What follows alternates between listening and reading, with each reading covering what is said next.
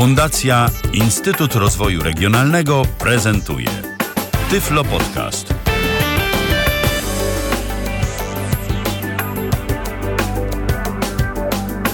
Mamy kolejny poniedziałek, mamy godzinę 19, a zatem rozpoczynamy kolejne spotkanie e, z Tyflo Podcastem na antenie Tyflo Radia. Przypominam, że Tyflo Podcast i Tyflo Radio dostępne są na stronie internetowej www.tyflopodcast.net. E, Audycji zarówno Tyflo Podcaście, jak i w Tyflo Radiu przybywa. W Tyflo Radiu do odsłuchiwania audycje są na żywo, natomiast e, w Tyflo Podcaście oczywiście można te audycje bez większego problemu e, zupełnie za darmo pobierać na swój twardy dysk. I oczywiście udostępniać komu tylko chcecie, bo przypominam, że wszystkie audycje, które publikujemy e, w Tyflo Podcaście są to audycje na licencji Creative Commons, więc naprawdę dużo i zupełnie za darmo można z tymi audycjami zrobić. Dzisiejsze nasze spotkanie, no jakżeż mogłoby być inaczej? Premiera iOS 7 już y, za nami, kilka dni mieliśmy na zabawę z naszymi urządzeniami, no i w dzisiejszym programie postaramy się powiedzieć o nowościach, y, między innymi z, pe- z perspektywy osób niewidomych i y, słabowidzących, które w tymże systemie zagościły. A propos gości, to witam bardzo serdecznie współprowadzących tę dzisiejszą audycję. Witam e, Piotra, Witka i Mikołaja Rotnickiego. Dobry wieczór Państwu. Dobry wieczór, witam. E, Już jesteście, jak rozumiem, e, po aktualizacji iOS-a do najnowszej wersji, do wersji 7. E, Testowaliście przez kilka ostatnich dni, no i Dziś właśnie w tej naszej audycji będziemy opowiadać o tym, co ten system dla osób niewidomych czy słabowidzących zmienia. Yy, Dziś też będzie troszeczkę inaczej, jeżeli chodzi o yy, nasze łącza kontaktowe. Uruchomimy je nieco później, żebyśmy mogli yy, na dobry początek przynajmniej trochę opowiedzieć o tym, co się tak naprawdę zmienia, jeżeli chodzi o dostępność, jeżeli chodzi o jakieś usprawnienia albo i błędy w najnowszym systemie. Yy, Więc yy, nasze namiary kontaktowe podam za czas jakiś. Myślę, że mniej więcej w połowie audycji oczywiście będzie do nas można dzwonić i również swoimi wrażeniami się dzielić. Zacznijmy od yy, tego, co do nas mówi. VoiceOver oczywiście w dalszym ciągu dostępny w iOSie jest, ale zmieniła się synteza. Jest głos Zosia. Yy, Piotrze, jak ty oceniasz tę syntezę w porównaniu do tego, co było wcześniej? No ja mam bardzo mieszane uczucia i yy, spodziewałem się mniej więcej tego, co będzie, no bo mieliśmy jak gdyby dostęp do jakichś próbek tego głosu jeszcze yy, przed premiery samego systemu. No i wiedzieliśmy, tak jak mówię, mniej więcej czego się spodziewać, ale jak gdyby nie mieliśmy dostępu do całego spektrum możliwości tego głosu. No i niestety e, głos ten e, zaskakuje im minus. I tutaj mm, przede wszystkim trzeba powiedzieć, że e, szczególnie jeśli chodzi o wymowę, bo tu nie chodzi o, o, o jakość tego głosu, bo mamy ją dostępną w dwóch rodzajach i głos tak zwany uproszczony i głos o wysokiej jakości. Jedni wolą ten e, uproszczony, drugi wolą ten głos niby lepszy jakościowo. Mm, Przede wszystkim chyba to, na co ludzie najbardziej narzekają, to na mm, końcówki. E, kie na przykład, tak? Jak czytałem na przykład artykuł z Gazety Wyborczej, to nie było Angeli Merkel, tylko była Angela Merkel i tego typu mm, wypowiedzi, więc do czytania dłuższych tekstów ktoś musi się, myślę, bardzo mocno przyzwyczaić. Ja w tym momencie jak gdyby nie mam problemu z rozumieniem samego głosu jako takiego. Tutaj y, mam mniej więcej taki sam problem, jak miałem na początku z Agatą. To znaczy e, pewne jakieś zbitki czy wyrazy z obcych języków, adresy internetowe, tego typu rzeczy, które nie są jak gdyby oczywiste na pierwszy rzut e, ucha, na pierwsze odsłuchanie. Tutaj nie do końca je rozumiem. Muszę powtarzać tą, tą wypowiedź, wsłuchiwać się w to. No i nie do końca jestem pewny, czy, czy dobrze zrozumiałem. Em, No ale ten sam problem miałem z Agatą i to jest na pewno kwestia przyzwyczajenia, ale na przykład miałem problem w Agacie taki, że nigdy nie byłem pewny, czy słyszę literkę M jak Maria, czy N jak Natalia. No i ucieszyłem się, bo tutaj w Zosi wymowa M jest bardzo wyraźna, jak Maria, ale za to literkę N jak Natalia, y, ona brzmi dla mnie jak literka E, jak S z kreseczką. I to po prostu mnie demoluje, bo dalej przy pisaniu nigdy nie mam pewności, czy się nie pomyliłem, czy jakiegoś błędu nie wstawiłem.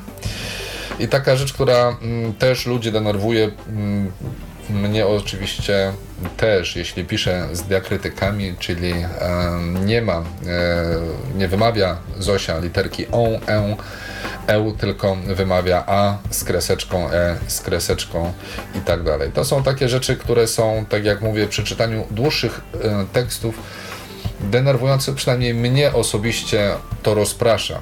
Trudno jest mi się skupić przy dłuższej lekturze. Nie wiem, Michał, jak ty to odbierasz?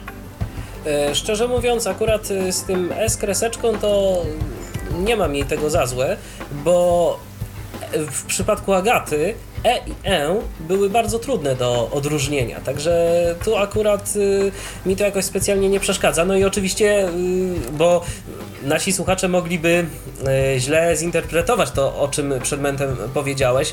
Jeżeli na przykład mamy słowo pociąg, to Zosia nie mówi słowa poci a z kreseczką g. Mówi po prostu normalnie Mhm. pociąg. To jest tylko i wyłącznie w przypadku y, literowania i w przypadku wprowadzania y, tekstów, tak?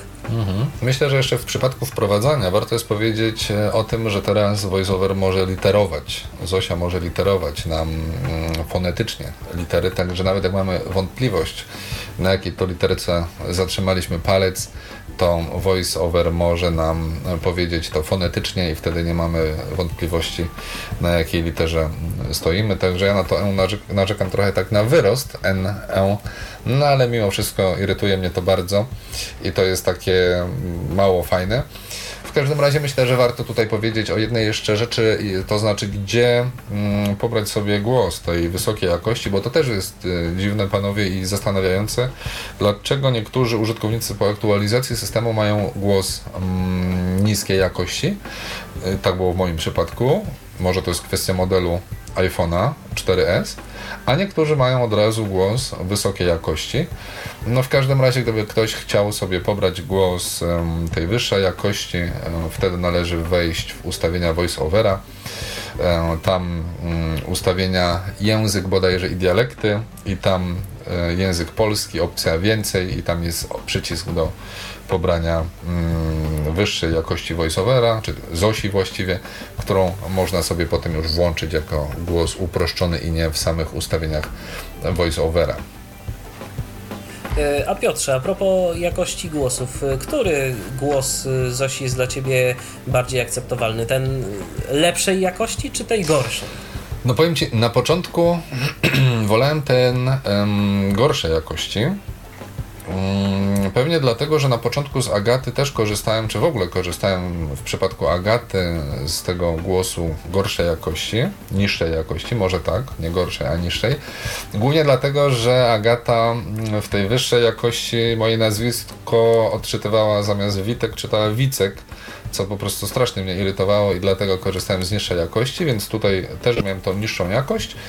Włączyłem tą jakość wyższą. Na początku troszkę mnie irytowała, Zosia, ale em, osłuchałem się. Osłuchałem się, także teraz do takiej obsługi systemowej. Aha, jedna rzecz, która mnie strasznie denerwowała, właśnie przy wprowadzaniu znaków, to znaczy, że mm, Zosia tak ekstatycznie podchodziła do, do, do tych znaków, które ja wybierałem, które wpisywałem. Także Szczególnie tak do prawie, samogłosek. Tak, prawie krzyczała na mnie i to było takie mm, bardzo mocno mm, też irytujące, ale tutaj można wyłączyć intonację z poziomu voice-overa i jest to jakoś tam akceptowalne. Y, Ja, Michale, mogę zaprezentować, jeśli pozwolisz, Właśnie, jak ten głos brzmi. żeby, żeby pokazać. Okej, no to już uruchomimy sobie telefon. Jak go... Strona 1 z 2. Okej. Katalog społeczności. Katalog multimedia. Katalog biurowy.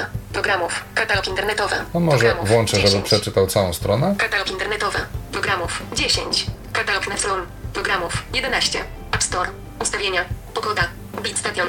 Wiadomości. Kalendarz. Poniedziałek. 23 września. Zwróciliście uwagę, jak Programów. 8. Szczególnie te obco brzmiące 11. Katalog radia internetowe. Nazwy Programów. odczytuje. 9. Katalog rozpoznawania. Programów. 12. Strona 1 z 2. Agata radziła sobie z tym Kontakty. znacznie lepiej, prawda? Włączone. Przynajmniej Dokładnie. ja to tak teraz ja może odbieram. dla kontrastu, to teraz ja może dla kontrastu zademonstruję ten e, niższy głos Zosi, bo ja się, mówiąc szczerze, nie mogę zupełnie przyzwyczaić do tego e, głosu Haku, do tego lepszego głosu. Jakoś e, dla mnie jest e, bardziej, w ogóle Zosia w tym lepszym wariancie bardziej zaciąga. Mm, Tak, e, takie jest moje zdanie. E, I na początkach, początkach e, wyrazów, czy tak, na początkach wyrazów to jest. Mam wrażenie, że ona tak lekko strzela. To jest ten sam problem, który miała Agata e, i to ten sam problem, który mnie jakoś od tego głosu y, wyższej jakości odrzuca. To ja teraz może o, 19.11. zademonstruję ten głos. Poniedziałek. 23 Podnieśnimy września. jeszcze. E, Odblokuj. Przycisk. Odblokujemy. 20. Pogoda. No i Pogoda. Notatki. Przypomnienia. Zadań z terminem na dziś. 2. Katalog telewizja. Programów. 4. Zegar. Katalog śmieci. Programów. 2. iTunes Store. Kiosk. Ustawienia. App Store. Safari. FaceTime. Strona 1 z 7. Regulacja. Wiadomości. Nieczytanych wiadomości. 21. Telefon. Bit Stadion. Mail. Nieczytanych wiadomości. 32 166. o. No, dla mnie ten głos troszkę brzmi taki właśnie tak mecząco. Tak. Nie wiem dlaczego, ale to widzisz. No, szczególnie mail. Szczególnie mail. Tak, tak, To, to- to oczywiście mail. masz absolutną rację. No, zgadza się, no ale tak jak mówię, dla kogoś to może być kwestia mm, przyzwyczajenia i tak jak mówię, do obsługi jak gdyby mm, samego interfejsu. Em, już mi to zupełnie nie przeszkadza. Bawią mnie niektóre mm, zwroty, właśnie nazwy odczytywane mm, tym głosem. E, Może bym narzekał, gdybym musiał jakieś dłuższe mm, teksty, czy też książki odczytywać przy pomocy voiceovera, no ale ja wykorzystuję do tego Voice Dream Leader, więc tu jak gdyby nie jest mi Zosia potrzebna. No i jakoś sobie, mo- może nie powiem, że radzę sobie, bo bez problemu używam ten głos i jedyne do czego chyba teraz muszę się przyzwyczaić to do wstawiania tych manieryzmów co jakiś czas. Jeszcze coś, e, co Agatka miała bardzo fajnie rozwinięte, to znaczy odczytywanie skrótów. Mm, Czasami oczywiście też się tam myliła, bo te słowniki miała niedopracowane, typu jak e, gdzieś tam w zdaniu było napisane, że one są jakieś tam, to Agata czytała one są i tak dalej. No i tutaj Zosia w ogóle nie rozwija skrótów, czyli zamiast między innymi odczytuje m-in i tak dalej, i tak dalej. Także to, to takie rzeczy, które są, myślę, każdy musi sobie zważyć, czy ten głos mu mm, odpowiada, czy nie. Ale podobno mm, na jednym z forów amerykańskich wyczytałem informację, że będzie możliwość doinstalowywania sobie jakichś głosów. Y, Na pewno są to, y, chodzi o te głosy właśnie wys- wysokiej jakości, ale nie wiem, czy nie pojawi się możliwość właśnie doinstalowywania sobie w ogóle zewnętrznych głosów, bo Polska nie jest jedynym krajem, gdzie zmienił się kompletnie syntezator mowy. Mm, Inny przykład to chociażby Finlandia. Wcześniej męski głos, uważam o wiele gorszy, zmienił się na lepszy żeński. I tam mm, pewnie są ludzie, mm, mają podobne odczucia jak my mm, do Zosi i myślę, że tutaj parcie na e, firmę jakiś będzie. Tutaj oczywiście y, może powiemy o też inicjatywie użytkowników tego systemu, że zwrócili się z apelem polscy użytkownicy do firmy Apple o to, aby przywrócić stary głos, mm, ewentualnie udostępnić go jako głos drugi. Zobaczymy, będziemy obserwować, no, czy coś z tego wyjdzie. Sytuacja została gdzieś tam przekazana wyżej. No i trzeba trzymać kciuki, bo system sam iOS ma sporo ciekawych rzeczy i szkoda byłoby, żeby mm, użytkownicy z kuli samej syntezy mowy mm, nie mieli możliwości skorzystania z tych nowych funkcjonalności. Oczywiście, że tak. Ja muszę powiedzieć a propos takiego czytania, y, książki za pomocą Zosi to się jeszcze nie odważyłem przeczytać. To się zgadza. E, natomiast e, taką codzienną prasówkę w postaci RSS-ów, Mhm. a i owszem, już od kilku dni sobie czytam.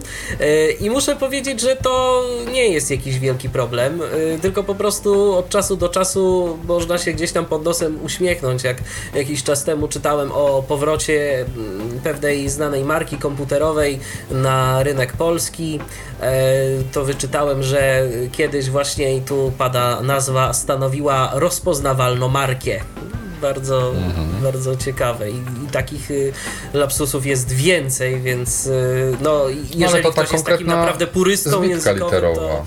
dokładnie, tak, tak, tak, tak. Jeżeli ktoś jest jakimś purystą językowym, to będzie mu to przeszkadzać. Natomiast myślę, że to nie jest nic takiego, co, y, do czego nie można się przyzwyczaić. Każdy syntezator ma swoje dziwactwa i głos jest zrozumiały, nie jest jakiś bardzo męczący, więc jeżeli jeszcze będzie do wyboru Agata, no to tym lepiej. Mikołaju, a y, jak ty oceniasz Zosię? Ty jednak posługujesz się wzrokiem y, w pracy z y, chociażby iPhone'em, więc y, dla ciebie ten voiceover to jest jakaś tam powiedzmy pomoc i ten głos syntety- syntetyczny stanowi pomoc.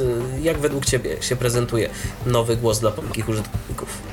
Tak, to z jednej strony dla mnie jest pomoc, natomiast y, też y, dosyć popularną funkcją w ogóle w iOSie już od kilku wersji jest możliwość w ogóle zaznaczenia tekstu i wybrania opcji powiedz, czyli bez w ogóle zaznaczania, bez uruchamiania mm, voiceovera można skorzystać z takiej, z takiej pomocy i no tutaj też oczywiście mm, wykorzystywana do odczytu jest, jest Zosia, także w tych miejscach, gdzie są jakieś powiedzmy dłuższe teksty, no to jest kwestia tego przyzwyczajenia się do tego głosu. To jest yy, w uszach, jesteśmy gdzieś, yy, przynajmniej ja też podobnie, może jak Piotr Witek, jesteśmy już od jakiegoś dłuższego czasu przyzwyczajeni jednak do tej, do tej Agaty i to jest kwestia na pewno pewnego przyzwyczajenia, natomiast yy, no nie ulega wątpliwości, że wszelkiego rodzaju mm, czasami zbitki wyrazowe. Dzisiaj też miałem okazję troszeczkę sobie tam poczytać tą Agatą i, i przepraszam, Zosią, z przyzwyczajenia mówię Agatą, y, Zosią, y, to mm, no, zdarzały się takie kwiatki, gdzie nawet zwykłe słowo, słowo był y, było przeczytane jako BYE, tak? No i razi to, po prostu to, to razi, mimo że jest to pewnego rodzaju przeliterowanie, ale no jednak tutaj chcemy używać syntezatora mowy jako naszego osobistego lektora, który no w miarę po polsku y, będzie mówił, prawda? Więc y, ja- jakieś, jakieś wymogi wobec tego, wobec tego syntezatora mamy. Ja z takich swoich y, testów z voiceoverem zaobserwowałem też to, że chyba jednak ten, ten, ten syntezator ma do pewnego stopnia jakiś wpływ w ogóle na funkcjonowanie voiceovera, na jego, na jego troszeczkę responsywność w niektórych miejscach. I zdarzyło mi się mm, y, na przykład przy wykonywaniu tego gestu mm, trzema palcami w lewo lub w prawo, przesuwanie się pomiędzy poszczególnymi y, ekranami, zdarzyło mi się, że y, Zosia gubiła ten mm, początkowy, powiedzmy, komunikat, ekran tam 1 z 2, na przykład tam strona 1 z 2, tak? I, i, i, to, I to ginęło, tak? Czyli mm, może mniej wprawny użytkownik mm, systemu iOS może się w pewnym momencie pogubić, na którym on ekranie tak naprawdę jest, bo zdarza się, że ta Zosia jednak połyka to. Także to są takie moje obserwacje z tych mm, tutaj pierwszych testów. No ja myślę, że trzeba też powiedzieć, że no voice over to nie jest zmiana w tym momencie tylko samego głosu, ale także pojawiło się parę opcji takich, które mają nam ułatwić e, pracę z tą aplikacją. No i to są przede wszystkim nowe gesty. E, Michał, z czego korzystasz? O których gestach wiesz? E, powiem szczerze, y, z gestów, y, z których korzystam i co do którego takiego podstawowego gestu, o którym chciałem się dowiedzieć jak najszybciej, to jest gest uruchamiania centrum sterowania w iPhone'ie. To jest gest, który po prostu wiedziałem... Powiedz, jak który- się go wykonuje, bo Właśnie. wszyscy pytają, bo wszędzie w pracowaniach się pojawia tam przeciągnąć palcem od dołu ekranu w górę i to wyjedzie od dołu ekranu i to tak jest, ale owszem, tylko nie przy włączonym voiceoverze. Dokładnie. Przy włączonym voiceoverze rzecz cała wygląda w ten sposób. Jeżeli ktoś e, korzysta z centrum powiadomień i pamięta, jak e, przywołuje się to centrum, a dla tych, którzy nie pamiętają albo nie korzystali, to przypomnę, e, musimy ustawić się na tym pasku, gdzie mamy chociażby informacje o zasięgu sieci, o godzinie i czy na przykład o informacje o tym, ile jeszcze nam procent baterii zostało i centrum y, powiadomień wywołujemy przesuwając trzy palce w dół, ale będąc właśnie na tym pasku, to centrum sterowania iPhone'em wywołujemy w sposób odwrotny, więc ustawiamy się na tym y, pasku i przesuwamy trzema palcami w górę. I w tym momencie mamy dostęp do Mhm. Myślę, że y, jeszcze bardzo ważne, co trzeba tu powiedzieć w tym momencie, to to, że te mm, opcje, zarówno panel sterowania, jak i panel powiadomień, e, czy centrum, one są dostępne także z poziomu zablokowanego ekranu. Nie wiem, czy to też było dostępne w iOSie 6, bo nigdy z tego nie korzystałem, nie sprawdzałem tego. Tutaj sprawdziłem i to działa. To mi się bardzo podoba, szczególnie gdy mm, wieczorem już e, chcę ustawić sobie zegar, budzik, żeby mnie rano obudził na zablokowanym iPhone'ie ciach. Wysuwam sobie centrum sterowania i mogę sobie ustawić mm, godzinę do pobudki. Tutaj mówię, że nie wszyscy, Michale, mogą wiedzieć o pewnych rzeczach, pewnych skrótach i gestach. To właśnie dla takich osób, dla szczególnie nowych użytkowników został dodany nowy gest podwójnego stuknięcia czterema palcami. On włącza pomoc. E, Dzięki temu wtedy będziemy mogli się dowiedzieć, jak stukniemy czterema palcami dwukrotnie, mm, jaki gest wywołuje jaką funkcję. Jeśli przeciągniemy palcem po ekranie, to dowiemy się, co ten gest może nam wywołać normalnie, jaką akcję. Gestów mamy więcej nowych. Mamy na przykład gest e, stuknięcia czterokrotnego trzema palcami. Myślę, że jest to dość fajna nowa funkcja dodana, to znaczy funkcja, która umożliwia nam skopiowanie ostatnio wypowiedzianego tekstu przez VoiceOver. Myślę, że nieraz się to może przydać, szczególnie gdy, nie wiem, mm, y, mamy długi link, tak, który nam VoiceOver odczyta. Będzie potem jednym o, gestem tapiemy i mamy ten długi odnośnik skopiowany do mm, schowka. Jeżeli Ci E, Piotrze a- wejść słowo w tym miejscu, Tak? e, bo tu na pewno to będzie też dosyć istotne. E, tak jak tutaj powiedziałeś, właśnie trzy, e, czterokrotne mm, stuknięcie trzema palcami i z dużym prawdopodobieństwem, ponieważ ja tego nie testowałem, ale z dużym prawdopodobieństwem, jeżeli mm, są osoby, które korzystają również z Zooma jednocześnie, to najprawdopodobniej będzie to jeszcze o jedno stuknięcie więcej. Tak jak podobnie jest w sytuacji e, potrójnego stuknięcia, e, potrójnego stuknięcia, które włączało kurtynę, prawda? Trzema palcami, a w sytuacji, kiedy mamy włączony zoom, to to było poczwórne stuknięcie. Także nie wykluczam, że w tym przypadku, jeżeli osoby są jakieś, które korzystają równocześnie z voiceovera i włączonego zooma, będą musiały najprawdopodobniej wykonać y, być może pięciokrotne stuknięcie trzema palcami, bo tam jest o jeden gest zawsze więcej. Ale tylko w tutaj sytuacji, kiedy z- mamy zooma włączonego. To ja proponuję Zmie- jeszcze, żebyśmy, żebyśmy powiedzieli, skoro jesteśmy jeszcze w ogóle przy, przy tych gestach i skoro już tak zahaczyliśmy o te, o te centra, bo tak mówimy centrum powiadomień, centrum sterowania.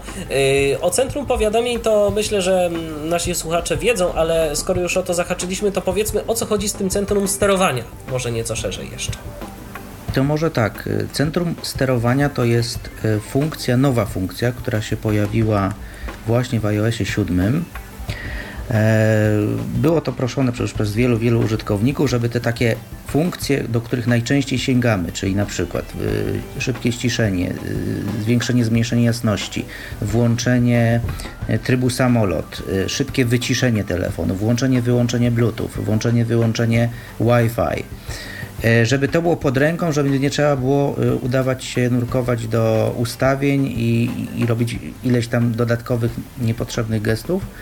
A tutaj mamy to praktycznie pod e, no prawie że jednym gestem i możemy to menu sobie wysunąć i w bardzo szybki sposób właśnie zmienić jasność ekranu, zwiększyć, zmniejszyć głośność, sterować również odtwarzaczem muzycznym. Także y, chodziło po prostu o wy, wy, wyłożenie nam tych podstawowych funkcji gdzieś na wierzch. To, tym się właśnie, można powiedzieć, trudni y, centrum sterowania. Mhm. Jeden minus taką... E, tej opcji to jest tylko to, że niestety na obecnym etapie nie można jej e, konfigurować. A to by było, myślę, fajne, gdyby każdy mógł sobie e, skonfigurować centrum sterowania według własnych potrzeb i wrzucić tam te funkcje, które najczęściej rzeczywiście wykorzystuje, a nie te, które firma zakłada, że najczęściej będzie wykorzystywał. No, a w tym miejscu mamy szczerze, konfigurowalność takie... iOS-a to nigdy nie była jego najmocniejsza strona. Mhm. Ja mam jeszcze to, do Was takie pytanie w tym momencie, ponieważ w jakiś sposób, przynajmniej przy moich testach, nie udało mi się e, wyczaić, czy jest jakiś gest zamykający te centrum. Oczywiście, klasyczny. Nie, nie, jest klasyczny ja gest potarcia dwoma palcami. Mhm. Mówię, klasyczny gest potarcia dwoma palcami, tak jak na stronach internetowych na przykład wracamy albo zamykamy katalog Potarcie dwoma palcami po ekranie mm, Czyli powoduje zamknięcie, zwinięcie się centrum. Potarcie góra-dół, góra-dół, coś takiego, nie? Mhm. mhm. No, skoro jeszcze przy gestach jesteśmy, to jeszcze trzeba o kilku gestach powiedzieć, panowie, żeby nam nie uciekły. Przede wszystkim teraz Spotlight, czyli wyszukiwarkę systemową, wywołuje się nieco inaczej.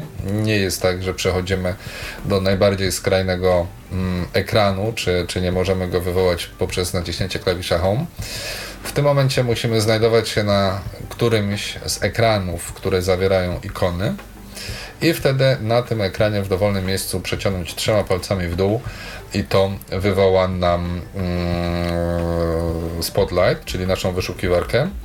Te trzy palce są chyba dość popularne w tym systemie, bo został dodany też gest odblokowywania ekranu czyli przeciągnięcie trzema palcami od lewej krawędzi do prawej ekranu i, i on działa. On jakoś już tak się do niego przyzwyczaiłem po tych paru dniach i tak jak wcześniej korzystałem z przycisku od bloku i tak już teraz e, praktycznie tylko tymi trzema, e, trzema palcami przeciągam po ekranie i to działa fajnie. Ale myślę, że chyba najlepszym gestem jest gest, e, który wcześniej e, jego brak powodował wielkie problemy u wielu użytkowników. To znaczy gest, który umożliwia zamykanie aplikacji. Tak, przeciągnięcie, w momencie wejdziemy sobie w pasek aplikacji, tam gdzie mamy uruchomione aplikacje, wystarczy, że dotkniemy wybranej aplikacji i trzema palcami przeciągniemy w górę i to spowoduje od razu zamknięcie tej aplikacji, czyli nie ma problemu jakiejś tam kombinacji z podwójnym stukaniem, przytrzymywaniem, potem znowu tapaniem podwójnym. To jest takie fajne uproszczenie, które mi się bardzo podoba. No i chyba jeszcze ostatni jedna gest. Rzecz, jeszcze jedna rzecz, tak a propos tego centrum, y, tego ekranu właściwie z aplikacjami, to w tym momencie na tym ekranie, y, jeżeli dobrze kojarzę, Piotrze, popraw mnie, jeżeli się mylę, ale chyba się nie mylę, że w tym momencie nie mamy już podziału na strony. Mamy w tym ekranie taką jedną wielką listę z otwartymi aplikacjami. Mm, wiesz, to chyba są strony. Nie, nie, um, nie sprawdzałem. To może nie ja sprawdzałem, nie ale voice to... over mówi mi tam jedna z iluś stron. Może można przechodzić sobie po nich ciurkiem, ale ja kojarzę, że voice over wymawia tam powiedzmy jeden z trzy. Może on po Aha. prostu w ten sposób określa być może liczbę teraz jest ikon aplikacji. po prostu. Albo być może Tak, bo ich jest mniej, tak? Ich jest mniej się wyświetla. Chyba po trzy się wyświetlają, a wcześniej wyświetlały się cztery tak zdaje mi się mm, to wygląda w tym momencie. To ja jeszcze mogę dodać tutaj z perspektywy troszeczkę osoby coś tam jeszcze widzącej, to ten, ta, ta funkcja zamykania też uległa dużemu uproszczeniu ponieważ do tej pory właśnie zamykanie, mm, zamykanie, ubijanie, że tak powiem, aplikacji mm, też trzeba było dodatkowo gest wywołać przytrzymania tej aplikacji, już po oczywiście dwukrotnym kliknięciu przycisku Home przytrzymać trzeba było tą aplikację i potem, e, jeżeli ktoś miał nie, niewprawne albo bardzo grube palce, to mógł nie trafić w znaczek minus, który zamykał po prostu daną aplikację. To mówię z perspektywy osoby widzącej, a teraz, a teraz wystarczy po prostu mm, przesunięcie sunięcie tej aplikacji, przytrzymanie jej palca i przesunięcie jej w górę, ona po prostu ucieka sobie z ekranu i jest ubijana, zamykana. Także z perspektywy osoby słabowidzącej wygląda to tak. No, ja jeszcze jeden tylko, wiem o jednym geście, który się pojawił. E, Gest, który działa, działa nawet doskonale, tylko nie w polskim interfejsie językowym. W momencie, gdy przełączymy sobie na interfejs, na któryś z języków obsługiwanych przez Siri i włączymy sobie Siri, to w tym momencie, będąc, znajdując się w polu e, edycyjnym, czyli już tak, że moglibyśmy zacząć pisać, wystarczy tapnąć mm, podwójnie dwoma palcami, czyli normalnie tak jakbyśmy chcieli uruchomić muzykę. E, Tapiemy podwójnie dwoma palcami i w tym momencie włącza się dyktowanie. Czyli możemy dyktować naszemu mm, urządzeniu, co tam chcemy, później na koniec znowu podwójne tapnięcie dwoma palcami. Nie jest to jakaś rewolucja, bo mm, jeśli mamy włączoną Siri i jeśli mamy któryś z tych e, języków interfejsu obsługiwany przez Siri, to oczywiście na lewo od spacji też znajduje się przycisk dyktuj. Mm, Także to raczej taka forma uproszczenia, żeby nie szukać tego jednego konkretnego y, przycisku. Mm, I to chyba y, tyle. Żadna rewolucja, no ale jakaś tam wygoda. No jeśli chodzi o Siri, to mm, pojawiło się wiele nowych komend, ale myślę, że nas tak naprawdę może zainteresować jedna.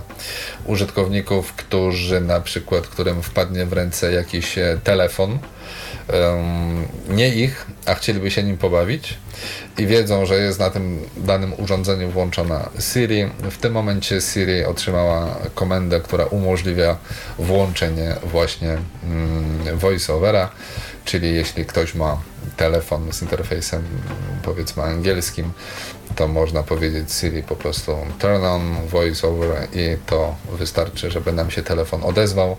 Siri za nas go włączy, tak jak inne funkcje typu Bluetooth i tak dalej, i tak dalej. Siri teraz jest bardziej omnipotentna.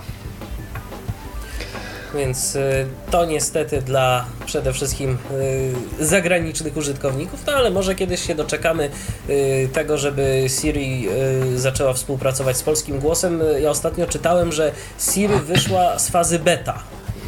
Że Apple już y, nie uznaje jej jako produkt beta, bo okazuje się, że jeszcze do niedawna to właśnie Siri oznaczona była symbolem beta, czyli cały czas wersją testową. Więc y, no, zobaczymy, jakie będą kolejne kroki na etapie ewolucji tego programu. Przejdźmy może dalej. Teraz y, proponuję, żebyśmy mm, porozmawiali o geście, z którym e, część użytkowników zaczynającym, zaczynających zabawę e, z voiceoverem ma problemy i zastanawia się o co w nim chodzi, a to jest naprawdę bardzo przydatny gest i oferuje, okazuje się, coraz więcej możliwości, mianowicie pokrętło. No, ja bardzo sobie cenię, tak jak mówisz, tą funkcję, bo jest bardzo taka intuicyjna, wygodna, łatwa w obsłudze. No i na to pokrętło możemy sobie dodawać różne rzeczy, możemy sobie konfigurować to ustawienie, jakie tam mają trafić opcje. I oprócz takich predefiniowanych opcji, teraz w nowym systemie znalazło się kilka nowych. Myślę, że tak naprawdę jeszcze nie odkryliśmy wszystkiego i jeszcze jakieś tam różne takie smaczki mogą się pojawić w trakcie użytkowania tego systemu. No ale parę takich rzeczy, mm, o których zostaliśmy oficjalnie poinformowani, udało nam się sprawdzić i jedną z tych rzeczy to jest na przykład poszerzone menu czynności w aplikacji Mail. Wcześniej mogliśmy tylko mm, usunąć aplikację, e, przepraszam, maila, stojąc na nim, tak. A teraz oprócz, e, tam też widzę nieścisłość, bo na przykład w niektórych skrzynkach pocztowych mam opcję do kosza, a w niektórych skrzynkach mam opcję usuń. Także nie wiem skąd taka niekonsekwencja. Znaczy to na pewno się bierze z jakiejś różnicy między skrzynkami. W każdym razie tam jest jeszcze opcja więcej. No i spod tej opcji możemy wybrać, czy chcemy odpowiedzieć na tego maila, przesłać go komuś i tak dalej, i tak dalej. Także więcej troszkę tam mamy możliwości, nie musimy już tego szukać gdzieś tam po ekranie, tylko mamy to mm, dostępne z poziomu samego pokrętła. E, Mikołaj, może ty mi powiesz, bo ja nie do końca rozumiem, jak działa mm, kolejny element, który trafił na, e, do iOSa 7, może nie tyle do iOSa 7, co do wersji iPhone'owej, bo ta opcja kontenerów była wcześniej dostępna tylko i wyłącznie na iPadach. Ja ci powiem szczerze, że nigdy nie korzystałem chociaż mam też te, te, tą opcję ustawioną na pokrętle. Próbowałem kilka razy z niej skorzystać, ale tak naprawdę najczęściej byłem przenoszony albo do pierwszego nagłówka na stronie, albo do ostatniego przycisku na tejże stronie. Także ja nie do końca wiem, jak te kontenery działają. Ja mam tylko takie wrażenie, że hmm, no, też w przypadku akurat y, wykorzystywania tej funkcji jeszcze w iOSie 6 hmm, Mam wrażenie, że ona naprawdę w bardzo niewielu miejscach póki co jest dostępna. Odniosłem wrażenie, że ma to jakiś związek z powiedzmy obiektami związanymi z HTML5. Czyli jeżeli są jakieś mhm.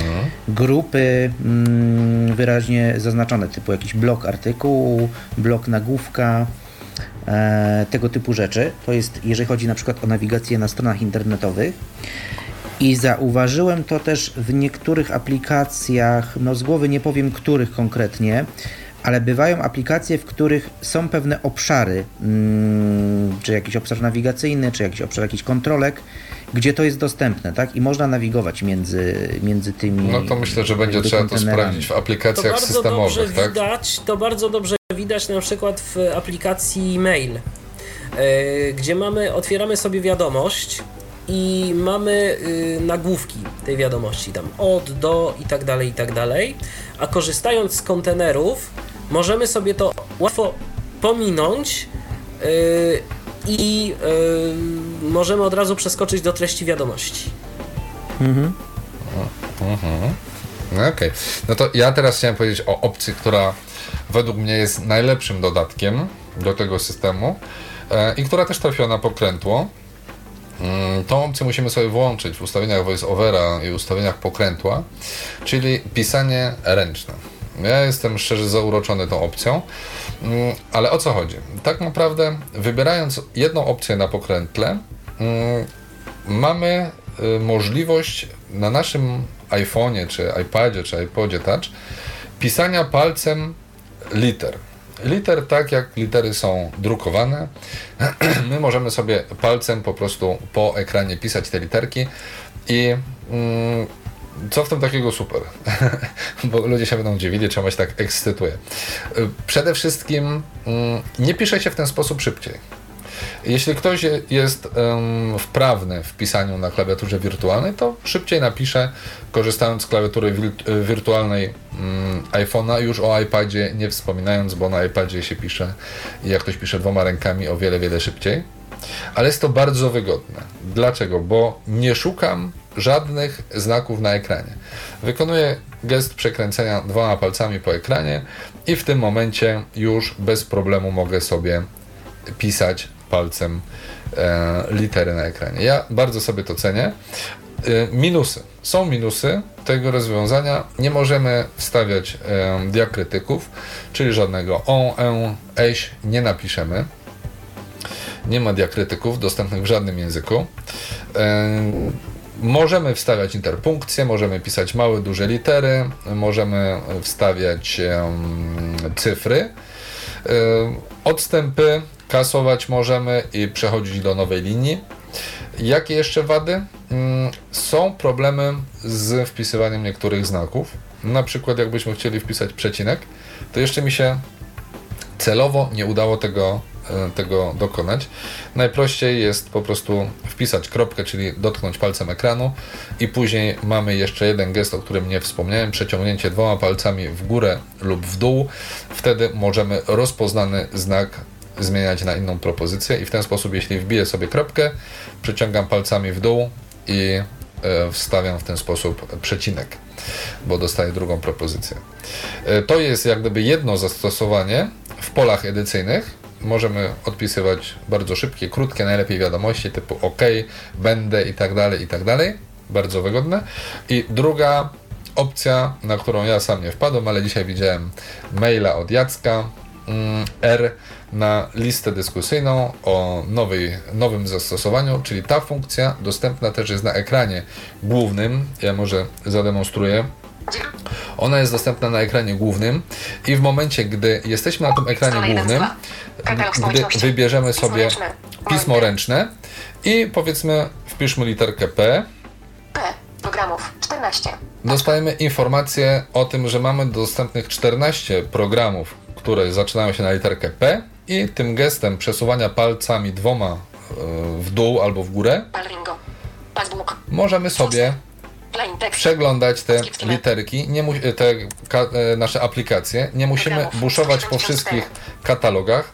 Analogicznie, nie wiem, wpiszmy sobie, wpiszmy sobie, no nie wiem co, te.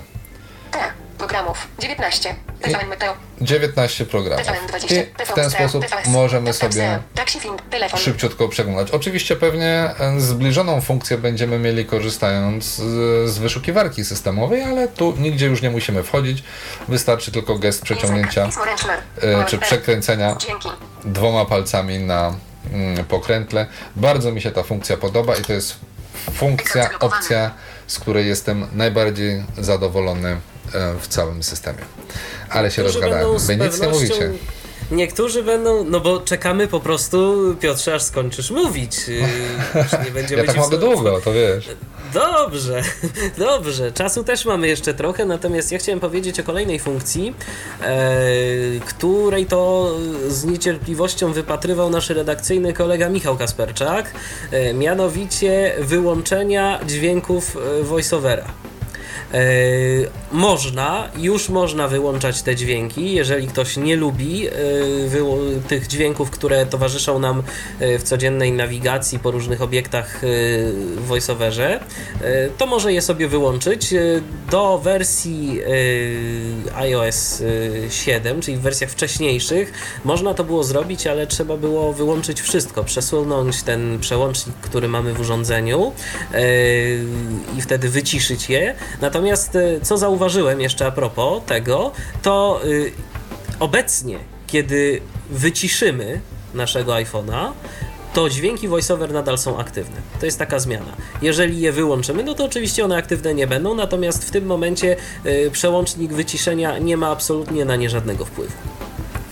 Mhm. Ja myślę, Michał, tyle żeśmy pogadali. Może dajmy teraz powiedzieć e, Mikołajowi o kilku rzeczach, bo zostało wprowadzonych bardzo wiele elementów dla mm, osób słabowidzących, ale to może Mikołaj parę słów na temat, czy w ogóle e, rzeczywiście jest tak fajnie? Bo ja podzielę się spostrzeżeniami mojej małżonki, która bawiła się moim telefonem i e, też kilka jej uwag mam.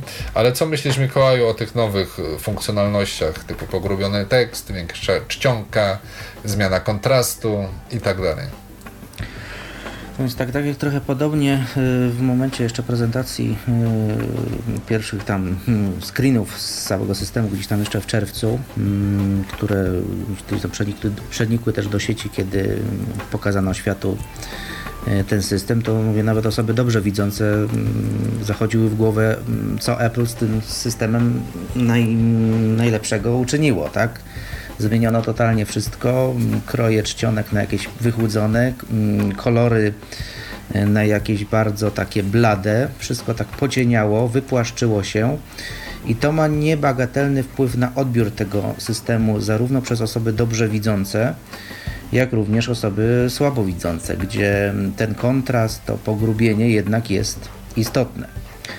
No i tak przewrotnie mogę powiedzieć tak, że Apple z jednej strony mm, robiąc te zmiany wizualne w systemie, pocieniając wszystko, mm, wszystko sprowadzając do takich płaskich interfejsów, e, niejako musiało sobie w pewnym momencie przyznać rację. No tak, ale będą osoby, nawet być może mm, dobrze widzące, albo nieco gorzej widzące, jakieś osoby powiedzmy starsze, a w szczególności już teraz mówię o osobach y, w ogóle słabowidzących, no, które nie będą zbytnio zadowolone z tych ar- artystycznych artystycznych wizji tutaj mm, twórców z, z, z, z, firmy, z firmy z nadgryzionym jabłkiem. No i mm, przez to, że wprowadzono tak dużo tych zmian wizualnych, również y, w opcjach ułatwień dostępu pojawiło się kilka nowości związanych y, z mm, właśnie polepszeniem wizualnego odbioru systemu i z niego korzystania.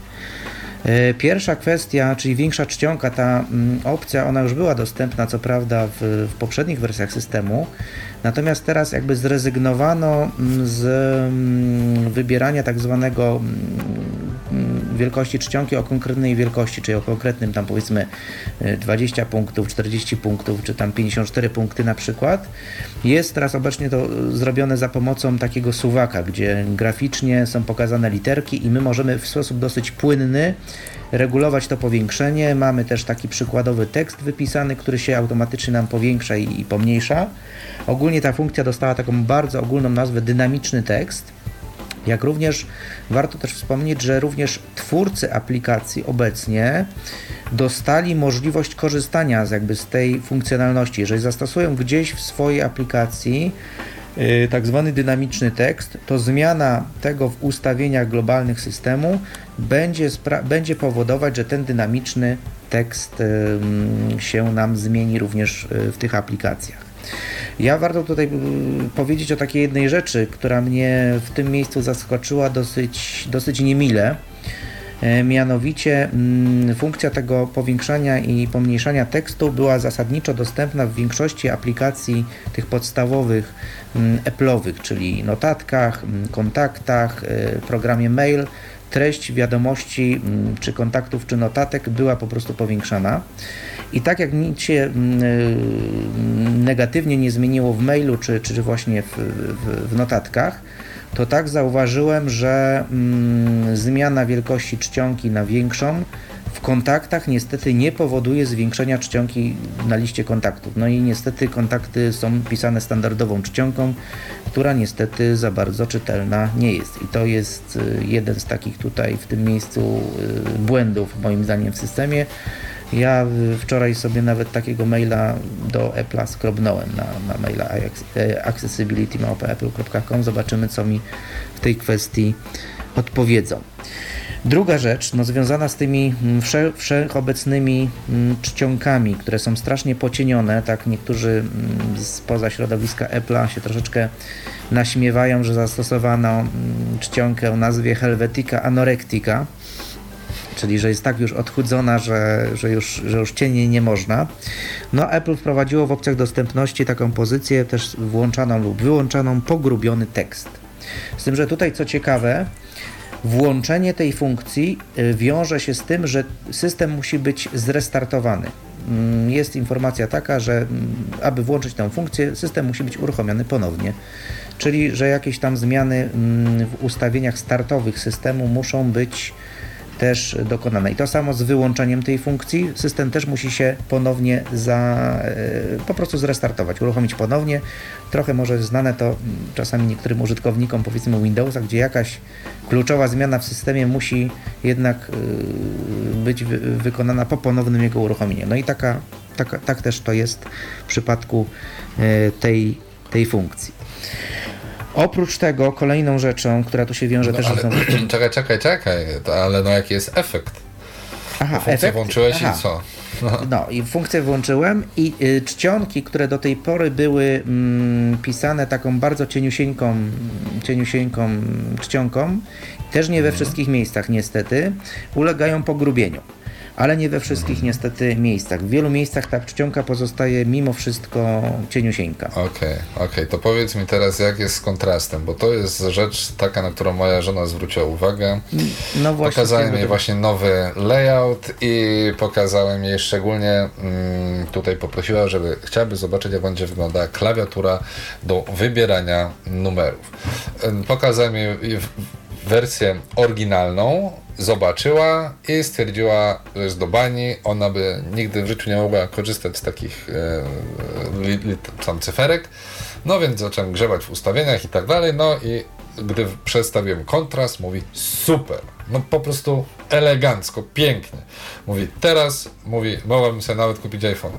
Po czym mówi, daj mi go na chwilę, sprawdzę sobie pogodę. Odpaliła aplikację Pogoda i mówi, że nic nie widzi. Bo aplikacja Pogoda wcześniej była zupełnie jasna, tak? Więc w momencie inwersji wszystko prawie znikło, literek nie widać i mówi system do bani. Co ty o tym sądzisz?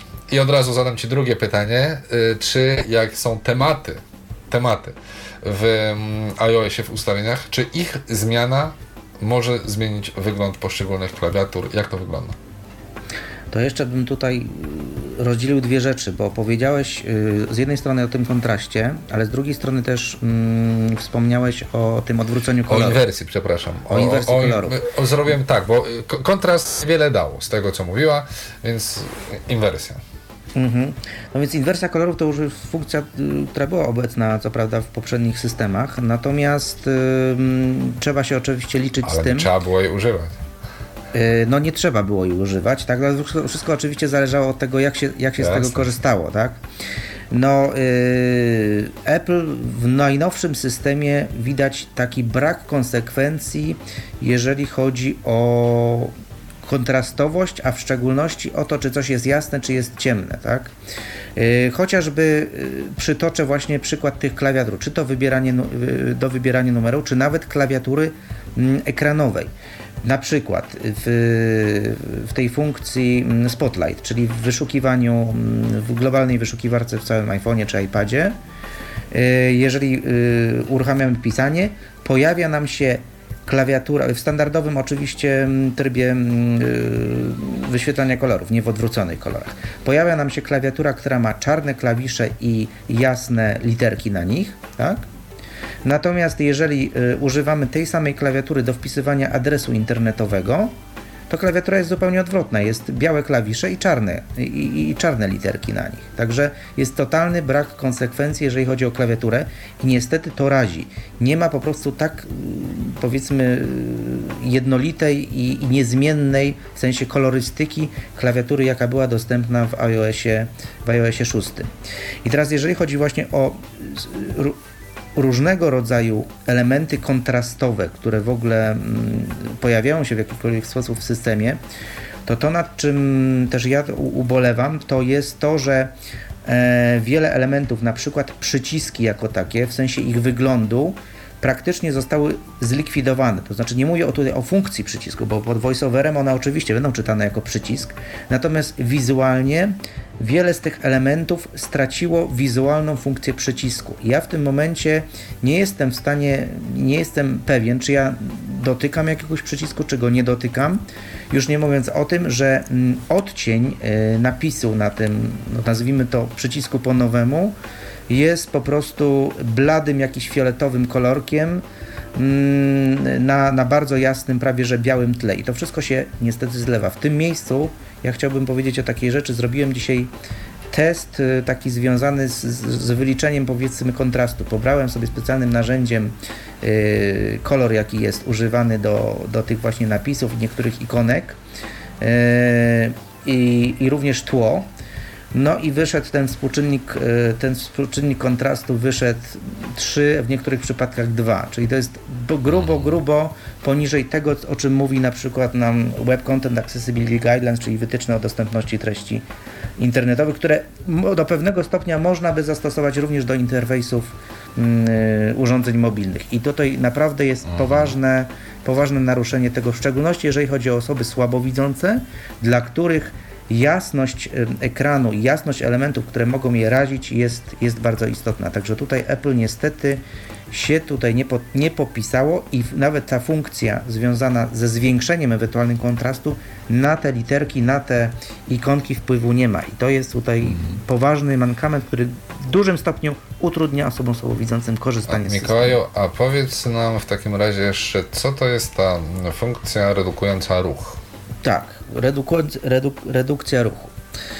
Apple sobie wymyśliło, że ten ich genialny mm, nowy wygląd, y, a w szczególności ten dotyczący uruchomionego iOSa 7 na najnowszych modelach y, iPhone'a 5S i 5C, ponieważ nie do końca stwierdziłem tej kwestii tak na 4S, ona jest chyba minimalna. Mianowicie, mm, trudno mi będzie to tak wizualnie opisać, no ale spróbuję małą audiodeskrypcję zrobić. Chodzi tu po prostu o to, że ikony, które mm, są wyświetlane mm, na ekranie, one tworzą swego rodzaju jakby pierwszy plan. Na drugim planie znajduje się tło, które jest jakby za nimi. I teraz, żeby system wyglądał jeszcze bardziej bajerancko i fajnie, to postanowili, Apple postanowiło, że w najnowszym systemie, jeżeli my będziemy ruszać telefonem, czyli układać go względem naszej powiedzmy twarzy pod różnym kątem, to również te ikony będą w pewnym sensie tak pływać po tym ekranie, będą mm, tworzyć się tak, tak zwany efekt tak zwanej paralaksy, czyli one będą na przykład odsłaniać nam kawałek gdzieś tam tła czy czegoś. Niestety, dla mm, niektórych osób słabowidzących to może powodować pewne mm, niedogodności w korzystaniu jednak z systemu, bo te elementy gdzieś tam się troszeczkę przesuwają na ekranie. No i opcja, która się pojawiła mm, dla osób, które tych, tych, y, tego ruszającego się, pływającego ekranu nie chcą widzieć, jest y, opcja właśnie redukuj ruch i można ją sobie włączyć i wtedy te ikony są twardo przyszpilone tak jakby ktoś je przybił gwoździem do, do ekranu i, i ruszać się nie będą, jak będziemy ruszać naszym iPhone'em. I z tak tego, co wygląda. dziś wyczytałem, to także ta funkcja, jeżeli ją włączymy, y, to pozwoli na oszczędzenie mm, jakiejś tam porcji energii. Tak, bo w tej funkcji bardzo mocno, bardzo mocno jest używany żyroskop. Żyroskop wbudowany w, w iPhone'a, a jak powszechnie wiadomo, żyroskop to jest taka troszeczkę mechaniczna jednak część, która jednak, gdy jest mocno eksploatowana, tą bateryjkę nam zużywa.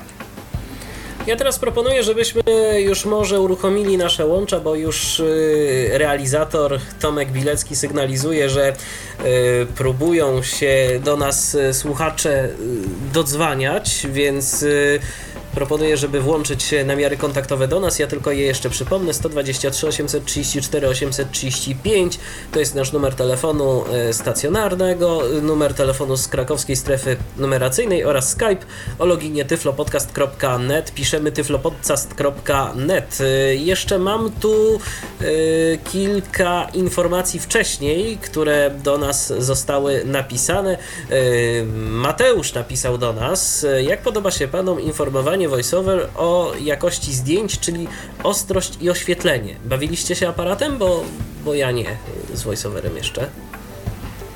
Ja nie bawiłem się w zakresie y, takim, żeby samemu robić zdjęcia.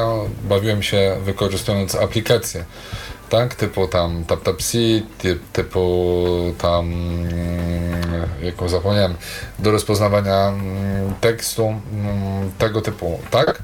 Samych zdjęć jeszcze nie robiłem. Ale może Mateusz zadzwoni po, po przerwie i nam o tym opowie. Dokładnie. Więc y, jeżeli chodzi jeszcze o to, co tu do mnie spłynęło, to Dionesque napisała y, również, że wpisywanie ręczne działa też fajnie w Safari. Na przykład wpisując literkę L będziemy mogli chodzić po linkach i temu o, podobne. Super. Super. Jeszcze taka jedna rzecz. No i jeszcze jedna kwestia od Dionesque, to a propos kontaktów y, Dioneska napisała nieprawda. Y, kontakty na liście jak najbardziej się powiększają, w sensie czcionka, jaką są wypisane. I teraz, Mikołaju, może się do tego jakoś odniesiesz? Hmm, no, trudno mi powiedzieć. No, ja próbowałem na ileś sposobów różnych i mi się to nie udało. Mi się to nie udało. Takiej wielkiej czcionki, jak była kiedyś, mi się to. 8 o'clock nie udało. No, A w ogóle się w jakiś sposób powiększają? Nie. Bo może po prostu ty i nasza słuchaczka macie różne potrzeby, jeżeli chodzi o powiększenie. No być może, być może, być może tak jest. Ja też co prawda zastrzegam jedną, jedną rzecz, że moim tutaj głównym urządzeniem do testowania jest iPad, no ale zakładam, że powinno to się dzieć tak samo na iPadzie, jak i na iPhone'ie, bo, bo tak pamiętam, że, że w przypadku iOSa 6 no jednak ta kwestia takiej wielkiej, wielgachnej czcionki w kontaktach. Y, mówię, będę musiał to jeszcze może ponownie sprawdzić, ale naprawdę nie, nie, nie udało mi się powiększyć y, czcionki kontaktów na liście. Okej, więc to taka informacja. Teraz proponuję, abyśmy rzeczywiście zrobili sobie odrobinę muzycznego wytchnienia i do tematu najnowszego systemu firmy Apple dla urządzeń przenośnych e, wrócimy już za chwilę. Przypominam, że e, gośćmi w dzisiejszym spotkaniu na antenie Tyfloradia są Mikołaj Rotnicki i Piotr Witek. Powracamy do naszej dzisiejszej audycji na temat nowości w systemie iOS 7. Wspomniałem, że można do nas dzwonić i dzwonicie. Jest z nami Andrzej. Witaj Andrzeju. Witam serdecznie. Słuchamy. Witamy Cię. Ja mam takie pytanie, bo ja używam iPoda Touch i jeszcze nie widzę tej wersji najnowszej iOS-a. Czy może wiadomo, kiedy się pojawi? Na iPody, bo wiem, że ona nie wchodzi jakoś równolegle z wersją na iPhony na przykład. To znaczy, ja się obawiam, że jeżeli w tym momencie nie masz y, tej wersji, to już jej nie będzie. Ostatnią wersją, która y, była dla y, w ogóle jakąś taką nową i o której się mówiło, dla, jeżeli chodzi o iOS-y, to był iOS 6 dla Apple TV, który wyszedł ostatnio, ale. Nie, ja, ja mam wersję na iPodzie wersjach- 6.1. y, Tak, tak, Ja tak, tak, tak- tak. y, Tyl, A Tak, tak, jaką Andrzej. wersję masz iPoda, Andrzeju? Mam iPoda 4. I jak sprawdzasz z poziomu um, Mówi, że jest iTunesa i jak... oprogramowanie jest aktualne. Cały czas. Mhm. I tak samo z poziomu ustawień, jak sprawdzasz? Znaczy właśnie z, z poziomu ustawień jak sprawdzam, to mówi, że oprogramowanie jest aktualne, a A czy sprawdzałeś z poziomu iTunesa i jeszcze dodatkowo, czy tego iTunesa zaktualizowałeś do najnowszej wersji? Yy, No, f- chyba nie, ale do tej pory, jak się pojawiało najnowsze, nowa wersja oprogramowania, to było, że jest jedna nowa rzecz w ustawieniach, więc i to wtedy było to uaktualnione. Znaczy, ja powiem tak, ja mm, w tym momencie nie posiadam mm, iPoda y, 4 od dłuższego czasu. To może tak, ponieważ my nie wiemy, to prośba do słuchaczy, jeśli ktoś z Państwa posiada iPoda 4 i wie coś na temat ewentualnej aktualizacji na to urządzenie iOS 7, to prosimy o informację, przekażemy ją Andrzejowi. O to poproszę. A jeszcze z Zresztą takich wszystkim uwag, pozostałym zainteresowanym też. a jeszcze z takich uwag to mam tak, wiem, że tylko nie wiem jak, jak to działa dla języka polskiego, ale wiem, że został wprowadzony kolejny nowy gest, bo to już była mowa o różnych nowych. Ale ten gest to jest cztery, y, dwa razy czter, czterema palcami, nie wiem czy o nim była mowa. I ten gest wywołuje pomoc voiceovera. Pomoc, tak. Na Tak, samym mówiliśmy. początku wspominaliśmy o tym. A to ja od samego początku nie słuchałem, ale właśnie wiem, że wiem, że coś takiego jest, bo śledzę podcast na Apple Viz i tam była o tym mowa. One są angielskie akurat dla miłośników angielskich podcastów polecam. W każdym razie, a jeszcze jeżeli, jeżeli chodzi o App Store'a, to wiem, że też jest coś tak, tak się też zmieniło, że e, jeżeli nie wyłączy się tego danej, tej jednej funkcji w ustawieniach iTunes i App Store, to wszystkie aplikacje, które są do update'owania, update'ują się automatycznie, jeżeli tylko jest telefon podłączony pod ładowarkę i pod Wi-Fi na przykład. To wiem na No pewno tak, też. y, to, to, to je- jest, taka, jest taka funkcja, można tym, można Teraz- tym zarządzać. To, Y, to jest domyślnie włączone. informację- Domyślnie to wiem, że to jest Tak. włączone, tylko trzeba to odpowiednio. Znaczy, to po prostu wiedzieć, żeby to wyłączyć, jeżeli tego nie chcemy, żeby się to działo. To znaczy przy aktualizacji, y, przy aktualizacji w ogóle y, telefon nas pyta, czy ma to włączyć, czy wyłączyć. Aha, Nie to możliwe. W każdym razie. Przy pierwszym uruchomieniu, Tak. tak. Nie miałem możliwości To jest sprawdzić. dokładnie pytanie, czy, czy włączyć, czy mamy opcję turn on na włączenie, albo not now, jeśli nie chcemy tego robić w tym momencie. Y, Mamy informację od Dionesque, że, y, iPhone, że iPod 4 nie jest wspierany. Więc A, już- y, to, to już tak, tak, także niestety Andrzeju obawiam się, że będziesz musiał pozostać przy iOSie 6. Y, W każdym razie dziękujemy Ci bardzo za takim razie telefon. mam pytanie, bo- jak są, jakie są A, wrażenia z używania tego nowego głosu? Halo? To znaczy, no my już o swoich wrażeniach mówiliśmy, więc, y, propo, więc proponuję, żebyś y, posłuchał sobie od początku naszej audycji, bo już o tym mówiliśmy, więc nie będziemy się powtarzać. Dlatego dziękujemy Ci za, y, za telefon, bo y, zdaje się, że mamy kolejny telefon, to może jeszcze odbierzmy. Czy już nie mamy? Halo? Halo. Halo, kogo witamy? Halo. Dobry wieczór. Dobry wieczór. Dobry wieczór. Y, Mam takie pytanie do audycji. Mm, Chciałem się zapytać, bo mam iPada mini i mam problem z, wyłą- y, z gestem y, wyciągnięcia centrum powiadomienia palcami i centrum dostępu. A i na czym ten problem polega? Znaczy nie wyjeżdża mi tabelka. A dotyka pan, e, tak jak Michał tłumaczył na początku audycji, dotyka pan e, paska statusu najpierw raz palcem, później po oderwaniu tego palca należy trzema palcami przeciągnąć e, w górę ekranu, od dołu do góry ekranu. Tak pan robi? Mm, właśnie tak nie. Czyli muszę w ten sposób... To prosimy tak zrobić. Nie słuchałem audycji od początku. To prosimy tak zrobić. Trzeba się ustawić na tym pasku, na którym właśnie y, voiceover mówi te informacje typu godzina, stan naładowania baterii i tak dalej. I w tym miejscu przeciągnąć trzema palcami w górę. Tam się wielkiego zamachu nie zrobi tymi palcami, bo już wiele. y, Czy nawet nie, ale niekoniecznie mamy. w tym miejscu, tylko wystarczy najpierw dotknąć gdzieś tam powiedzmy w okolicy godziny, czy tam poziomu naładowania. Ważne, żeby pasku statusu i można nawet przeciągnąć od dołu ekranu w górę trzema palcami. Okej. Też wtedy się rozwinie. No to chyba, że tak. Ja, ja, zawsze, ja zawsze już y, przeciągam palcami od tego miejsca, gdzie, gdzie, tam, gdzie tam dotknę. To, to po prostu tak Mhm. już y, bardziej może z przyzwyczajenia niż y, z faktycznej potrzeby. W ten sposób. No fajnie. To Dokładnie. właśnie teraz przetestowałem. Faktycznie działa. To cieszy No mnie to się bardzo, że super. mogliśmy pomóc.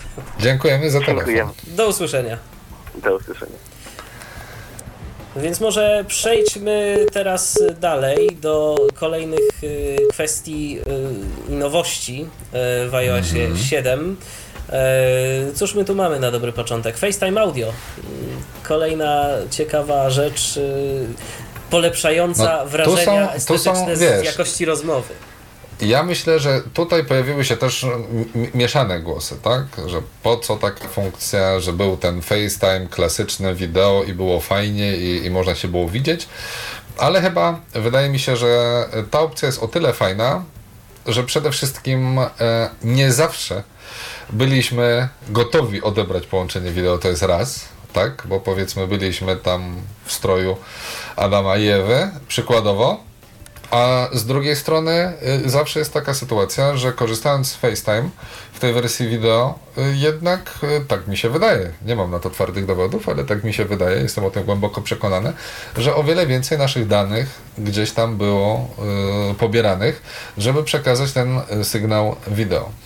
W tym momencie ja miałem okazję akurat rozmawiać, a czy nie w tym momencie, ale tutaj zarówno y, z Michałem, jak i z Mikołajem miałem okazję y, toczyć rozmowę właśnie z nowej funkcji korzystając z FaceTime Audio i tak jak z Michałem rozmawiałem po Wi-Fi, to jakość była taka nieszczególna, powiedzmy taki Skype, z problemami.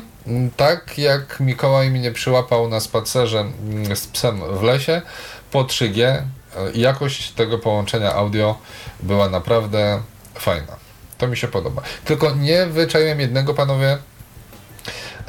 Czy zawsze trzeba tapać w przycisk e, zakończ połączenie, czy tam zakończ rozmowę, czy klasyczny gest e, tapnięcia dwoma palcami, e, czy też skorzystanie z wyłącznika iPhone'a kończy też FaceTime audio, czy nie?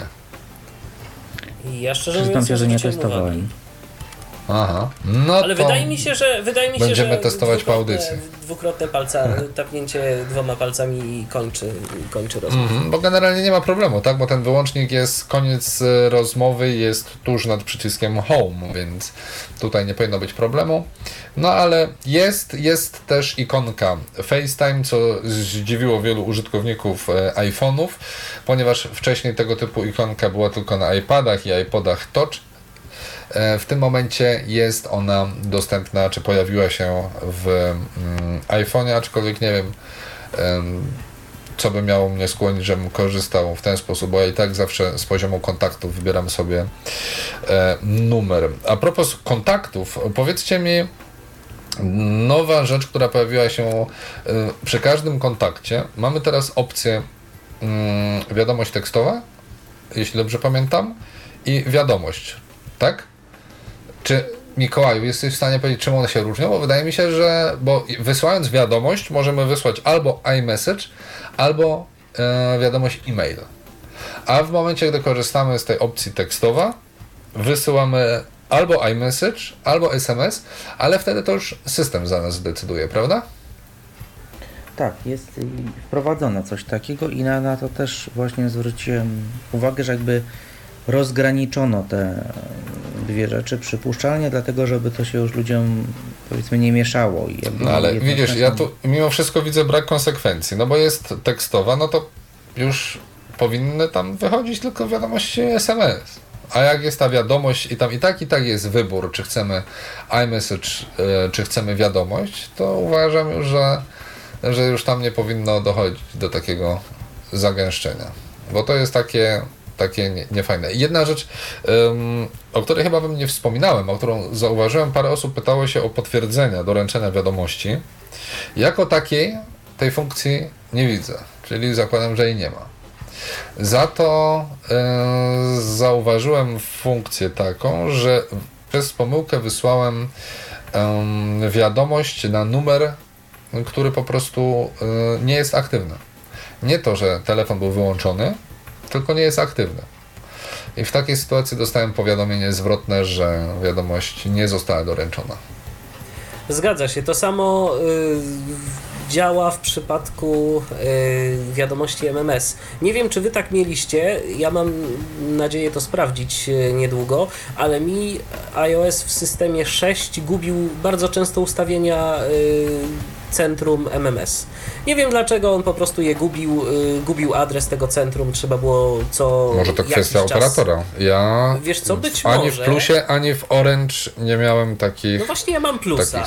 I, i mi piątka co jakiś czas gubiła y, te informacje, trzeba było po prostu jedną, jedną wartość, bo tam trzeba kilka tych wartości wprowadzić, tą pierwszą y, daną trzeba było y, za każdym razem, no prawie za każdym razem wprowadzać. Jestem ciekaw jak to będzie działało w y, siódemce. Natomiast y, fakt jest faktem, że kiedy ta wiadomość MMS nie mogła zostać wysłana, to również się pojawiał taki przycisk z informacją, że, że jest problem. Także no, można to w Okej. ten sposób traktować jako No, za, z, zobaczymy. Na razie póki co ja na moim 4S nie, nie mam takich problemów. Ale skoro jesteśmy w kontaktach, to zostajemy jeszcze na chwilę. Panowie korzystacie już? Trafił ktoś u was na czarną listę? Czy nie? Nowa funkcja, która umożliwia blokowanie mm, kontaktu, żeby mógł się do nas dodzwonić. Ja czekam już aż, zasłużył? Ja, aż kilka. Tak, aż ktoś kilka podpadnie, numerów- tak?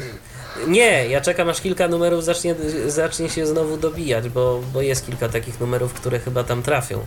Natomiast yy, na razie jest spokój, więc, więc daję szansę. A czy jest, e, to jest troszkę też, myślałem, że zostanie to lepiej rozwiązane o tyle, że na przykład mm, niekoniecznie dany numer mm, przecież musimy mieć w kontaktach. Ja na przykład ostatnio od e, kilku dni, prawie dzień w dzień mm, zapraszają mnie na mm, poczęstunek kulinarny z, prawda, z prezentacją naczyń super hiper i już mnie mm, cholera bierze i ciągle dzwonią z tego samego numeru.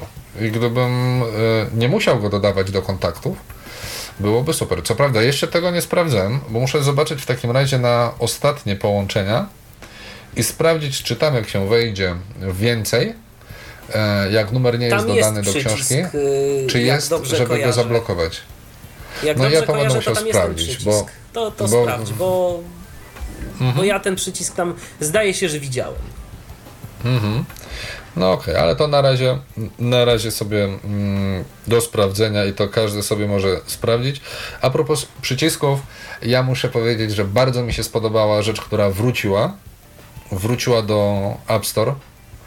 To znaczy wcześniej mogliśmy przeglądać w iOSie 6 to zostało zmienione i aplikacje te polecane, czy te powiedzmy najpopularniejsze w danych gatunkach, mogliśmy po nich skakać e, po nagłówkach, tak? W sensie tam darmowe, płatne i tak dalej.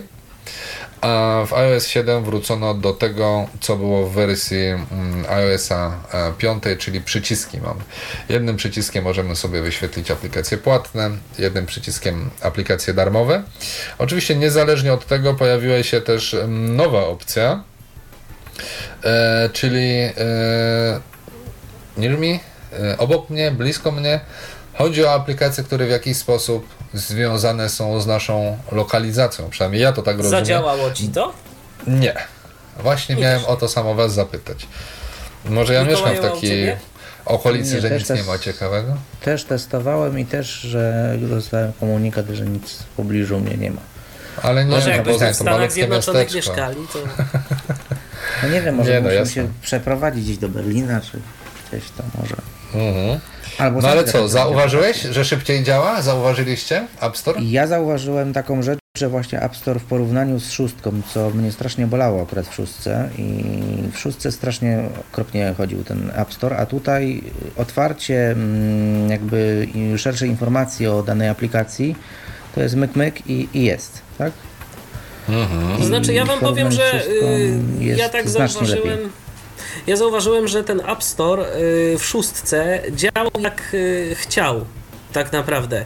Y, Czasem on działał bardzo szybko, ale to był chyba raczej, to była chyba raczej kwestia y, połączenia y, z internetem. Takie, ja takie odnosiłem wrażenie. Bo czasem to działało dobrze i od razu się wszystkie informacje wczytywały, a czasem tak y, to się bardzo przycinało, y, chcąc wyświetlić jakieś No informacje. ja często miałem takie zmulenia, więc dla mnie to była taka kwestia rzeczywiście teraz fajnie działa, Tak, to, No. to muszę potwierdzić.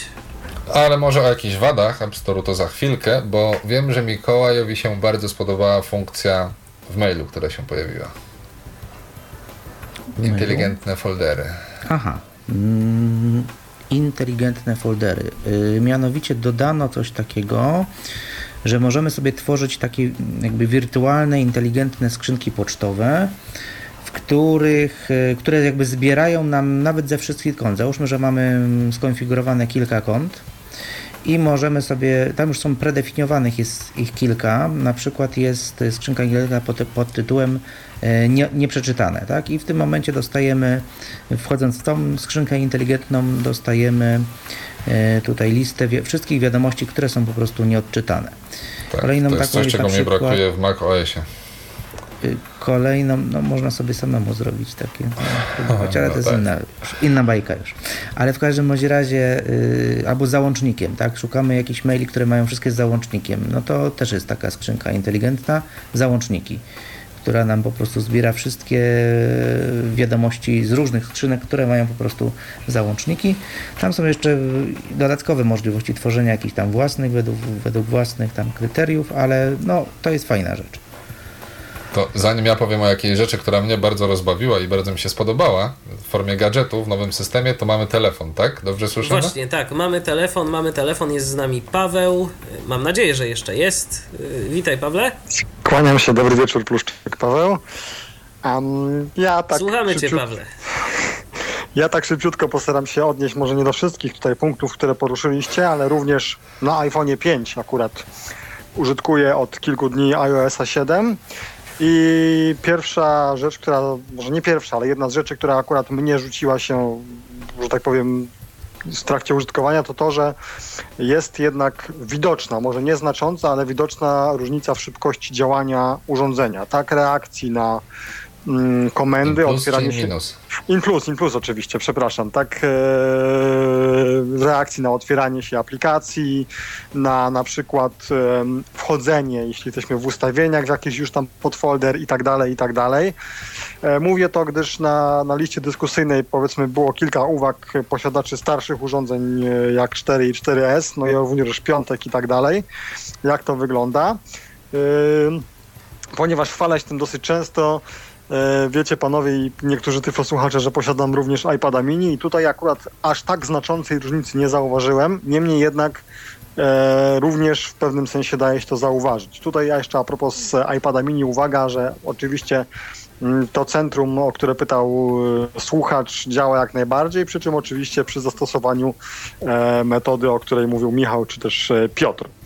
Natomiast pytanie chyba bardziej retoryczne, aczkolwiek no zadam, jest z wrodzonej przekory chyba najbardziej do Mikołaja, bo podejrzewam, że on jest najbardziej obeznany to jest systemem. Apple afisuje się tym, że iOSie 7 pojawiło się ponad 200 nowych funkcji. Mikołaj tak na szybko dałby wymienić chociaż 10. Oczywiście nie musisz tego robić. Natomiast tak jak mówię, pytanie chyba dość retoryczne. Odpowiem, odpowiem że może trochę prześ, odpowiem może prześmiewczo. No, nie naliczyłem się aż tylu, ale być może oni e, być może oni 200 każdą ikonkę, 10? którą może oni każdą, każdą ikonkę, którą zmienili, tak? Tak, tak, właśnie bo podejrzewam, że właśnie chodzi o o to chodzi. wizualność, jeżeli chodzi o wizualność, to pojechali, że tak powiem, po całości, tak? Bo nawet zmieniono kształt, wygląd i grubość klasycznych ikonek, które po prostu od zarania samego systemu były, chociażby klasyczna ikonka dzielenia się, tak? Gdzie to była taka jakby skrzyneczka z, z taką śmiesznie figlarnie wysuwaną z niej strzałką, a obecnie to jest coś w rodzaju, nie wiem, jakiegoś kubka bez, bez y, górnej części, gdzie strzałka kieruje ku górze. Bardzo to przypomina trochę ikonki z Androida, także tutaj chyba Apple korzystało z inwencji inżynierów Google'a, no ale to nie przypomina zupełnie niczego, tak? To są po prostu nowe jakieś wzornictwo ikon i co najgorsze, to one są po prostu mega cienkie i mega blade. No właśnie. I to może e, każda ikonka jest tą nowością. Tak, pewnie, pewnie tak. Odnośnie Zosi, tego nowego głosu, przyznam szczerze, że e, no, prawie każdy z nas, nawet nim pojawiły się próbki mm, bety iOS 7, usłyszał Zosię e, z, na przykład z Jawsem, więc ten głos brzmi bardzo podobnie. I rzeczywiście no, nie jest to to, co te gryski lubią najbardziej. Ja na przykład e, znacznie bardziej ceniłbym sobie, gdy była możliwość nawet odpłatnie, e, ale pozyskania powiedzmy głosu, głosu mm, a cappelli. E, Niespecjalnie uśmiecha mi się przesuwanie palem po ekranie, jak to Zosia sugeruje, różne inne takie. No i ten kresowy akcent jest bardzo charakterystyczny. Natomiast ja z kolei mam o tyle łatwiej, że nie czytam e, książek na przykład głosem Zosi, a jakieś tam krótkie artykuły z jakichś tam portali newsowych i tak dalej, no to bez problemu jest to do przebrnięcia. E, Co do zmian wizualnych, bo tutaj mm, poruszaliście ten aspekt w aspekcie osób słabowidzących i tak dalej. Tutaj muszę, muszę przyznać, że moja partnerka, która wzięła e, iPada mini do, do ręki po aktualizacji do iOS 7 jest osobą normalnie widzącą, stwierdziła tylko beznadziejnie. Więc e, to w pewnym sensie mówi samo za siebie, czyli to znowu je- w lo- w lepsze jest wrogiem dobrego. Aczkolwiek myślę, Wiesz że co, skoro... Pawle, to, to ja muszę powiedzieć, to ja muszę powiedzieć tak a propos, y, że rzeczywiście y, zetknąłem się z taką samą opinią, a ponoć, a ponoć kobiety bardzo lubią kolory. A ja się, ja usłyszałem tylko, ale tu jest za, tu jest za bardzo jaskrawo, za bardzo kolorowo, więc, więc to chyba aż nawet przesadzili. Ja natomiast, y, ponieważ jestem resztkowcem, może nie korzystam mm, w stopniu takim, żebym y, coś czytał na, tym, y, na tych urządzeniach, natomiast no, czasami się posługuję tym wzrokiem, resztkami, żeby gdzieś tam tapnąć w jakąś ikonkę, szybciej to zrobić i tak dalej.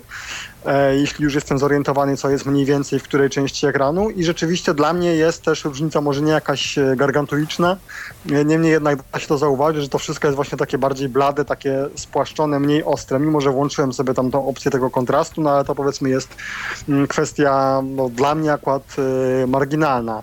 Niemniej jednak wydaje mi się, że skoro już, a mamy nawet niecały tydzień po może nie to, że premierze, ale powiedzmy po udostępnieniu systemu już pojawiły się informacje w sieci, że ma być co najmniej e, wersja 0.1.0.2, a nawet ewentualnie wersja 7.1 systemu.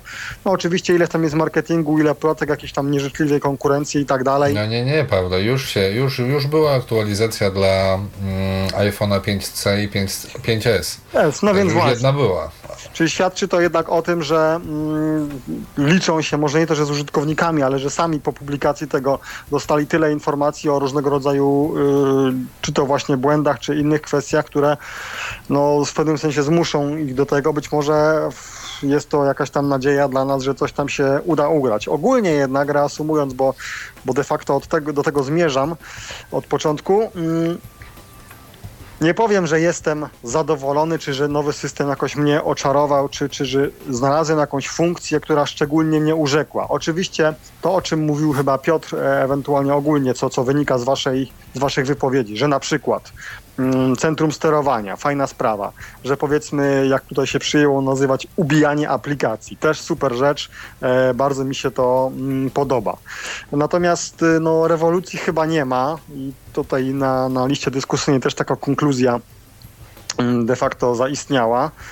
E, Więc e, zobaczymy, co tam z tego wyjdzie. Ja natomiast nie ma rzeczy, która mm, sprawiałaby, co to chyba jednak jest pozytywnym e, sygnałem, w moim przypadku, abym jakoś szczególnie bardzo chciał wrócić do poprzedniej wersji systemu. Tutaj też na kanwie dyskusji, e, która istnieje na liście dyskusyjnej się toczy właśnie, że ludzie tam za wszelką cenę usiłują mm, do tego systemu powrócić, tylko też e, uważam, że część ludzi sama jest sobie winna, no bo jeśli ktoś aktualizuje starego iPhone'a 4 do systemu iOS 7 i później się dziwi, że pewne funkcje mu nie działają, bądź też po prostu jest mm, rozczarowany, że coś mu się muli, no to niektórzy chyba są sami sobie winni.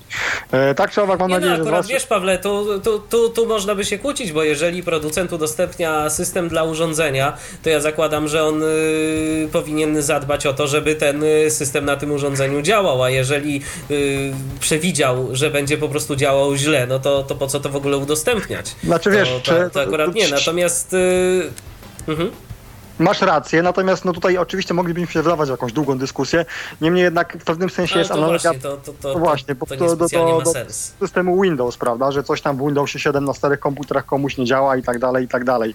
E, mam nadzieję jednak, że, że ogólna konkluzja będzie taka, że jest to, e, no, może nie jakiś milowy, ale jednak krok naprzód, jakieś tam nowe rozwiązania ten, e, ten system e, wnosi, coś tam nam pewnie nowego jeszcze za jakiś czas uda się, taką mam przynajmniej nadzieję, odkryć, znaleźć e, i będzie się można tym podzielić. Ja mam nadzieję, że o ile ten apel, który tutaj listowicze mm, zadysponowali do, do producenta, żeby głos Agaty został y, przywrócony, o ile nawet to nie przyniesie rezultatu, a ja niestety akurat w tej materii nie jestem szczególnie wierzący, to mam nadzieję, że właśnie to, o czym mówił Piotr, że będzie możliwość albo dokupywania jakichś głosów, które powstaną pod e, iOS-a 7, a jak wiemy, tych głosów wszelkiego rodzaju, czy to właśnie Expressivo, e, czy innych e, u nas w Polsce jest, jest sporo, no to będzie mógł każdy znaleźć coś dla siebie, chociażby na przykład e, a cappella, skoro jest zaimplementowana do jakichś programów, to być może będzie jako synteza, no bo jednak Zosia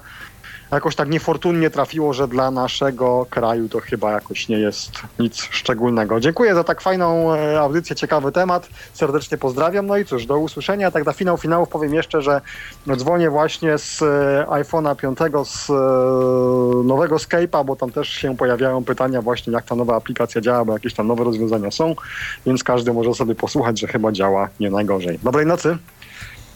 Działa dobrze, Dzięki. dobrej nocy Pawle, dziękujemy za głos w dyskusji. No to No, jeśli pozwolisz, to właśnie chciałbym powiedzieć o takiej rzeczy właśnie, mm, ponieważ przeglądam sobie ten system, bawię się nim, wiedziałem, że mamy mieć audycję dzisiaj, więc naprawdę tak szperałem, szperałem i y, trafiam na takie rzeczy, mm, gdzie szczerze mówiąc y, w życiu bym ich tam nie szukał, ale są to takie rzeczy, o których właśnie Paweł y, się pytał, co ten Apple tam wprowadził wśród tych 200 nowości. I jedną z takich rzeczy jest, e, słuchajcie, e, kompas. Kompas, który został rozbudowany nie tylko o, e, na dzień dobry o sam opis. No, kojarzycie, wcześniej różne aplikacje korzystały z tego samego opisu, czyli tam zrób ósemkę urządzeniem, czy jakoś tak to było, tak? Tak. Zachodziłem w głowę, o co chodziło, jaką ósemkę. W tym momencie przede wszystkim jak odpalamy kompas, mamy instrukcję, żeby skalibrować urządzenie na takiej zasadzie, abyśmy mieli kuleczki na talerzyku i po prostu chcieli, żeby ta kuleczka nam e, toczyła się dookoła talerza. Mamy tak pokiwać e, urządzeniem, ale nie, nie, nie, nie to jest fajne w tym e, momencie. Gdy będąc w kompasie przeciągniemy trzema palcami w bok, w lewo, uruchomimy poziomicę. Nie było wcześniej takiej funkcji, przynajmniej udźwiękowionej.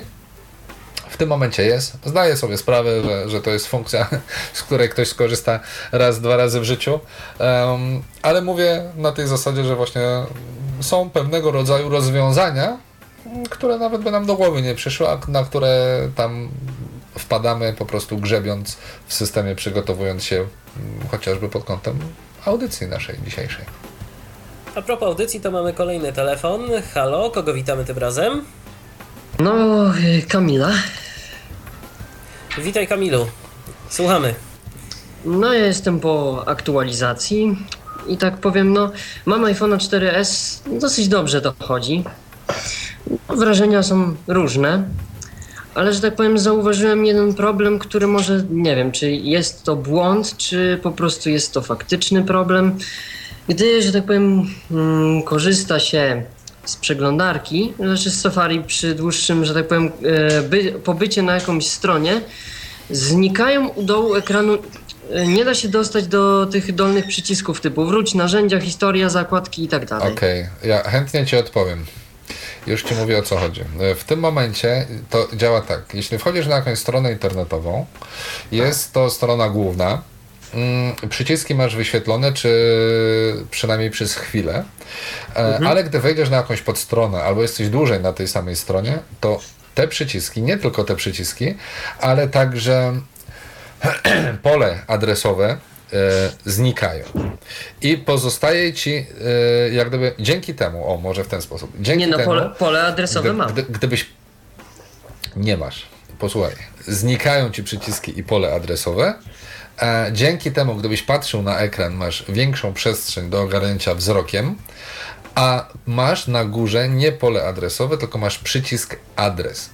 Jakbyś go dotknął i dał się wygadać voiceoverowi, jeśli korzystasz, to by ci powiedział, że jeśli tapniesz w niego, to pojawią ci się przyciski sterowania, czy jakoś tak.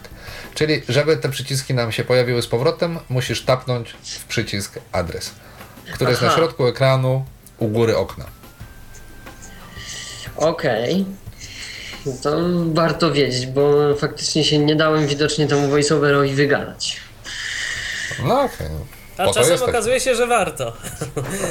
Dobrze, Kamilu. To y, wszystko, jak rozumiem, tak? No okej, bo nie będę, że tak powiem. Dobrze. Bo to Dobrze, to dziękujemy bardzo w takim razie za, za telefon. Ja jeszcze przypomnę, namiary na nas 123 834 835, a nasz e, Skype radiowy e, to tyflopodcast.net, piszemy tyflopodcast.net. Y, To może o kolejnych nowinkach. y, No słuchaj, może skoro jesteśmy, jesteśmy, skoro jesteśmy w Safari, no to powiedzmy jeszcze o zmianach w Safari. Czyli przede wszystkim e, ja przynajmniej mam takie wrażenie, e, może Mikołaj potwierdzisz, może nie, że zniknęło okno wyszukiwania Google, które było po prawej stronie, w prawym górnym rogu. W tym momencie mamy w Safari tylko okno, w sensie okno na adres, które wykorzystujemy jako okno wyszukiwarki. Czy tak jest, czy to ja mam tylko jakieś omamy? Nie, nie, tak, tak jest w istocie. Oni po prostu jakby poszli za, no, poszli można powiedzieć trochę po rozum do głowy i tak jak większość przeglądarek już jakby rezygnuje z tych, y, nawet na komputerach, y, rezygnuje z jakiegoś rozdzielania tych dwóch funkcji, po prostu robi się takie jedno, jedno pole omnipotentne, nazwijmy to, tak? I, I to już przeglądarka sama wtedy będzie wiedziała, czy jeżeli wpiszemy w nie, weń adres internetowy pełen, na przykład www.tyflopodcast.net, mała reklama naszego podcastu, to wtedy wejdzie nam na stronę internetową, a jeżeli wpiszemy sobie jakieś frazy, powiedzmy rozdzielone spacjami, no to przejdzie nam do domyślnej wyszukiwarki. A dźwięki, jak Wam się podobają? Nowe dźwięki. Bo ja Wam powiem pierwszy raz, mam ustawioną standardową marimbę na alarm i pierwszy raz po aktualizacji systemu, jak mnie zaczęła budzić, to nie do końca wiedziałem jeszcze, czy, czy, czy jeszcze śpię, czy już nie. Bo dźwięk zupełnie inny, inna melodyjka i się zdziwiłem. Mamy oczywiście inne dźwięki się też pozmieniały, typu podłączanie do ładowania i tego typu rzeczy. A ja bym powiedział, że w ogóle dźwięki, e, nawet te, które już są obecne w naszym systemie, tak troszeczkę jak te ikonki e, się pozmieniały, e, nawet w taki sposób niekiedy, niekiedy subtelny. Bo taki, ja na taki szczegół zwróciłem uwagę, nie wiem czy wy też. Dźwięk blokowanego ekranu ma teraz taki większy pogłos niż miał wcześniej. I to Jak chyba wszystkie zwróciłem nawet uwagę na ten dźwięki. szczegół?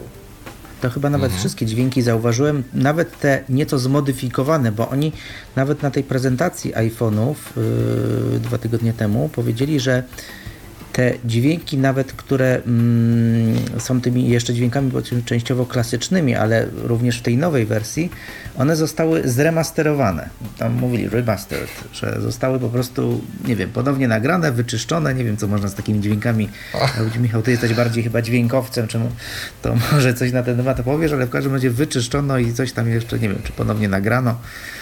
Może jakieś nowe niezardzewiałe dzwoneczki użyto, czy i, i tak dalej, i tak dalej, tak? Ale ten No jest to pogłos też dziwne. Ja- zauważyłem. Ja myślę, że o dźwięku to jeszcze powiemy, jak przejdziemy od, od em, zmian do, do, do hejtowania i zaczniemy mówić o tym, co jest naprawdę B w systemie. Myślę, że trzeba tutaj po, powiedzieć, nie wiem Michał, jak to wygląda u Ciebie, bo Ty masz iPhone'a mm, 5, ale u mnie na 4S zmienił się przede wszystkim układ ikon w katalogu, czyli wcześniej był układ taki 4 w poziomie i 3 w pionie. Teraz on się zmienił na zasadzie mm, 3 na 3 Em, I pozostałe ikony, ponieważ nie mieszczą się już na ekranie, bo są większe, znajdują się na drugim ekranie i trzecim ekranie, bo można sobie w tym momencie o wiele więcej ikon dodawać do katalogu. Nie jesteśmy ograniczeni tylko objętością ekranu, czyli tak jak wcześniej było, aha, wcześniej było 2, 4 na 4 bo 12 było. Czyli teraz mamy tych ikon się mieści mniej, ale za to można je e, na kilku ekranach trzymać i w katalogu nie tylko 12 ikon możemy mieć, ale znacznie więcej. Jak to wygląda na iOSie 5, a czy na iPhone'ie 5? Szczerze mówiąc, nie powiem ci, Piotrze, bo ja jestem wielkim miłośnikiem porządku, yy, przy czym miłośnikiem porządku należy wziąć w solidny cudzysłów. Artystycznego. Tak, tak. I mój y, folder, y, największy, nad którym się nabiedziłem, ma całe cztery programy w środku. Więc, y, więc niestety nie powiem ci, jak to wygląda przy jakiejś większej liczbie y, aplikacji. Niestety. No okej, no to przejdźmy może ten, bo ja myślę, że najistotniejsza informacja jest taka, że możemy w tym momencie więcej e, rzeczy wrzucić do różnych katalogów. No, to jest wygodne, akurat to mi się podoba. Em, zdziwiło mnie, gdy uruchomiłem kalendarz, mm, kilka rzeczy. Przede wszystkim zupełnie się zmienił design tego, tego programu. E, Coś, nad czym ubolewałem bardzo, to znaczy, że nie było przycisku, którym wywoływałbym listę e, zadań, które były wpisane do kalendarza. Można to osiągnąć przyciskiem szukaj.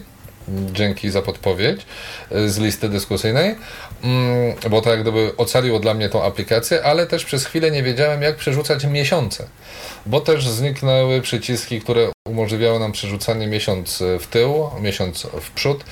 W tym momencie zmiana polega na tym, że jeśli mamy widok miesiąca, to po prostu przerzucamy mm, kartki, jak gdyby kalendarza trzema palcami góra, dół, tak jakbyśmy przewijali ekrany. Podobnie się zmienił sposób, może nie podobnie, ale też się zmienił sposób przerzucania miast czy lokalizacji pogodowych w aplikacji Pogoda. Jeśli korzystamy, wcześniej to było przeciągnięcie trzema palcami w lewo, w prawo, tak jakbyśmy przełączali się między ekranami. Teraz musimy mm, znaleźć sobie suwaczek na środku ekranu, u dołu. Dokładnie taki sam też jak do przerzucania ekranów. No i nim niestety musimy sobie dopiero przerzucić. Jeśli można to robić gestem, to nic mi na ten temat nie wiadomo. Mm, a szkoda, bo wcześniej to jakoś sprawniej mi chodziło. A co myślicie panowie o przyciskach, które zniknęły z centrum powiadomień? FaceTime, Twitter. No, powiem szczerze, trochę szkoda, że ich tam nie ma, bo one mogłyby być y, niekiedy przydatne. To się zgadza.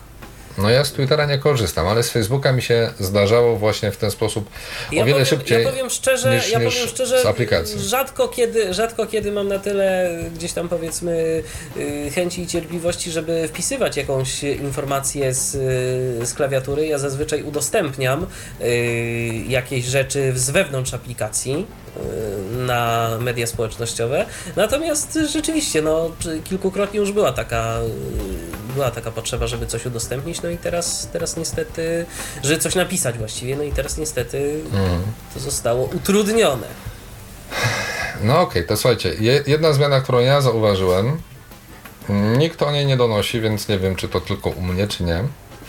Ale w momencie, gdy mam na przykład, no chociażby jak jesteśmy przy tych portalach społecznościowych, powiedzmy na Facebooku pojawiają się jakieś nowe wiadomości, to normalnie przy ikonce VoiceOver odczytuje cyferkę, ile tam jakichś nowych e, powiadomień, wiadomości się pojawiło. I to jest odczytywane OK. Ale w momencie, gdy mamy tą ikonę w katalogu i zamknięty katalog, to w iOSie 6 mieliśmy odczytywaną informację nazwę katalogu, ile w środku jest programów i liczba jakichś tam powiadomień e, czy nowych zdarzeń, które są w tym katalogu. Teraz takiej informacji nie mam. No, Michał, już wiem, że ty nie masz katalogów. A ty, Mikołaj, zauważyłeś coś takiego u siebie? Yy, tak, też to zauważyłem, że tej informacji niestety tutaj nam brakuje. Czy nawet teraz na iPadzie sobie otworzyłem jakiś tam jakiś tam folder, mm, żeby nie być gołosłownym. Chociaż nie, graficznie jest ta informacja, ale zaraz sobie zobaczymy. Funkcja voiceover włączona. Orient. Przycisk początek w prawo. Katalog pogoda. Programów. 7. Stuknij dwukrotnie, aby otworzyć. Tak. No i niestety Wy- nie ma. Wyobraź sobie, że wyobraźcie sobie, ponieważ ja jeszcze troszeczkę się wzrokiem posługuję. Katalog pogoda. Programów. 7. Stuknij dwukrotnie, aby No. otworzyć. O właśnie. Czyli nie ma. I wyobraźcie sobie, że informacji, informacji w voiceoverze nie ma, tak? Ale graficznie ta informacja jest. Czyli to najprawdopodobniej jest bug w systemie, czyli błąd w systemie, bo Mhm. graficznie y, ikonka, że jest 8 powiadomień wtedy tu, w tej chwili tutaj mam, a ta Mhm. informacja voiceoverem prze, przeczytana nie została. No powiem wam taka rzecz jeszcze, która, która jest niby też taką, taką pierdółką, ale tych pierdółek jest coraz więcej i powoli za, za, zaczynamy dochodzić do, do, do tej clue całych tych problemów. E, indeks tabeli. Nie wiem, czy wy korzystacie, ale ja kontaktów mam od metra i bez tego indeksu tabeli bym był zgubiony. Mogę sobie oczywiście po kontaktach skakać po nagłówkach, ale wykorzystuję ten indeks tabeli, żeby tam po alfabecie sobie e, przejechać. Ten indeks, y, czyli taki suwak po prawej stronie ekranu był i jest. Tylko teraz jest tak daleko w prawo, że ja muszę podwijać e, plecki, futerał, w którym mam iPhone'a, żeby móc oprzeć na nim palec.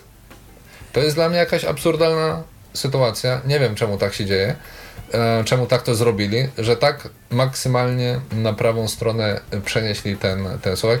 Gdybym miał twarde etui, nie takie miękkie, ale z uwagi na to, że mój iPhone też często śmiga lotem koszącym na, na, na jakieś tam powierzchnie twarde, e, muszę mieć elastyczne etui, więc e, na szczęście mogę to odgiąć i skorzystać z tego suwaka, no ale irytuje mnie to kosmicznie.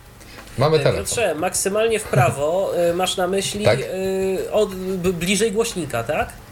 Mm, nie. Mm, Jeśli mamy ekran, trzymam iPhone'a pionowo, Tak. to tak. prawa krawędź urządzenia. Prawa krawędź Nie tam, urządzenia. gdzie masz, nie masz tam, gdzie masz ten suwak wyłącznik i ciszej głośniej, tylko po drugiej stronie. Wiem, wiem, wie- wiem o czym mówisz. No, no. Tylko, tylko powiem, tylko powiem szczerze, że ja się tak zastanawiam teraz y, i próbuję się, i próbuję się domyśleć, czy, czy, czy mi to przeszkadza, czy nie. Ja powiem ci szczerze, może to jest kwestia y, rozmiarów telefonów, bo ty Może. korzystasz, ty korzystasz y, z 4S, y, a ja korzystam z piątki i ja nie zauważyłem z tym absolutnie żadnych problemów. No to prostu ja tak, zgłaszam tak jak problem. działało, tak działa. Więc, Mnie to złości więc- strasznie. Więc tak, to, więc tak to wygląda z mojej perspektywy. Mamy telefon, jest z nami Grzegorz. Witaj Grzegorzu. Grzegorz z tej strony. Chciałem się zapytać e, Was, e, a czy, co z tą aplikacją radiową? Jakaś miała być aplikacja radiowa iTunesa, czy coś w tym stylu, żeby można było strumień radiowy odbierać? Grzegorz, codziennie zasypiam z tą myślą, żeby sprawdzić tą aplikację. U mnie jakoś nie widzę tej aplikacji, nie wiem gdzie ona się może znajdować, bo Ona chyba powinna być dostępna z poziomu iTunes, jeśli dobrze kojarzę, tylko ciągle tak jak mówię, zasypiam z myślą, żeby ją sprawdzić i ciągle Mhm, zapominam o tym. A wyście sprawdzali panowie? Tak, sprawdzaliśmy i jeszcze nie ma. Aha. Ja właśnie Nie chciałbym. No, no właśnie, ja, się, ja też chciałem sprawdzić, ale gdzie ona jest?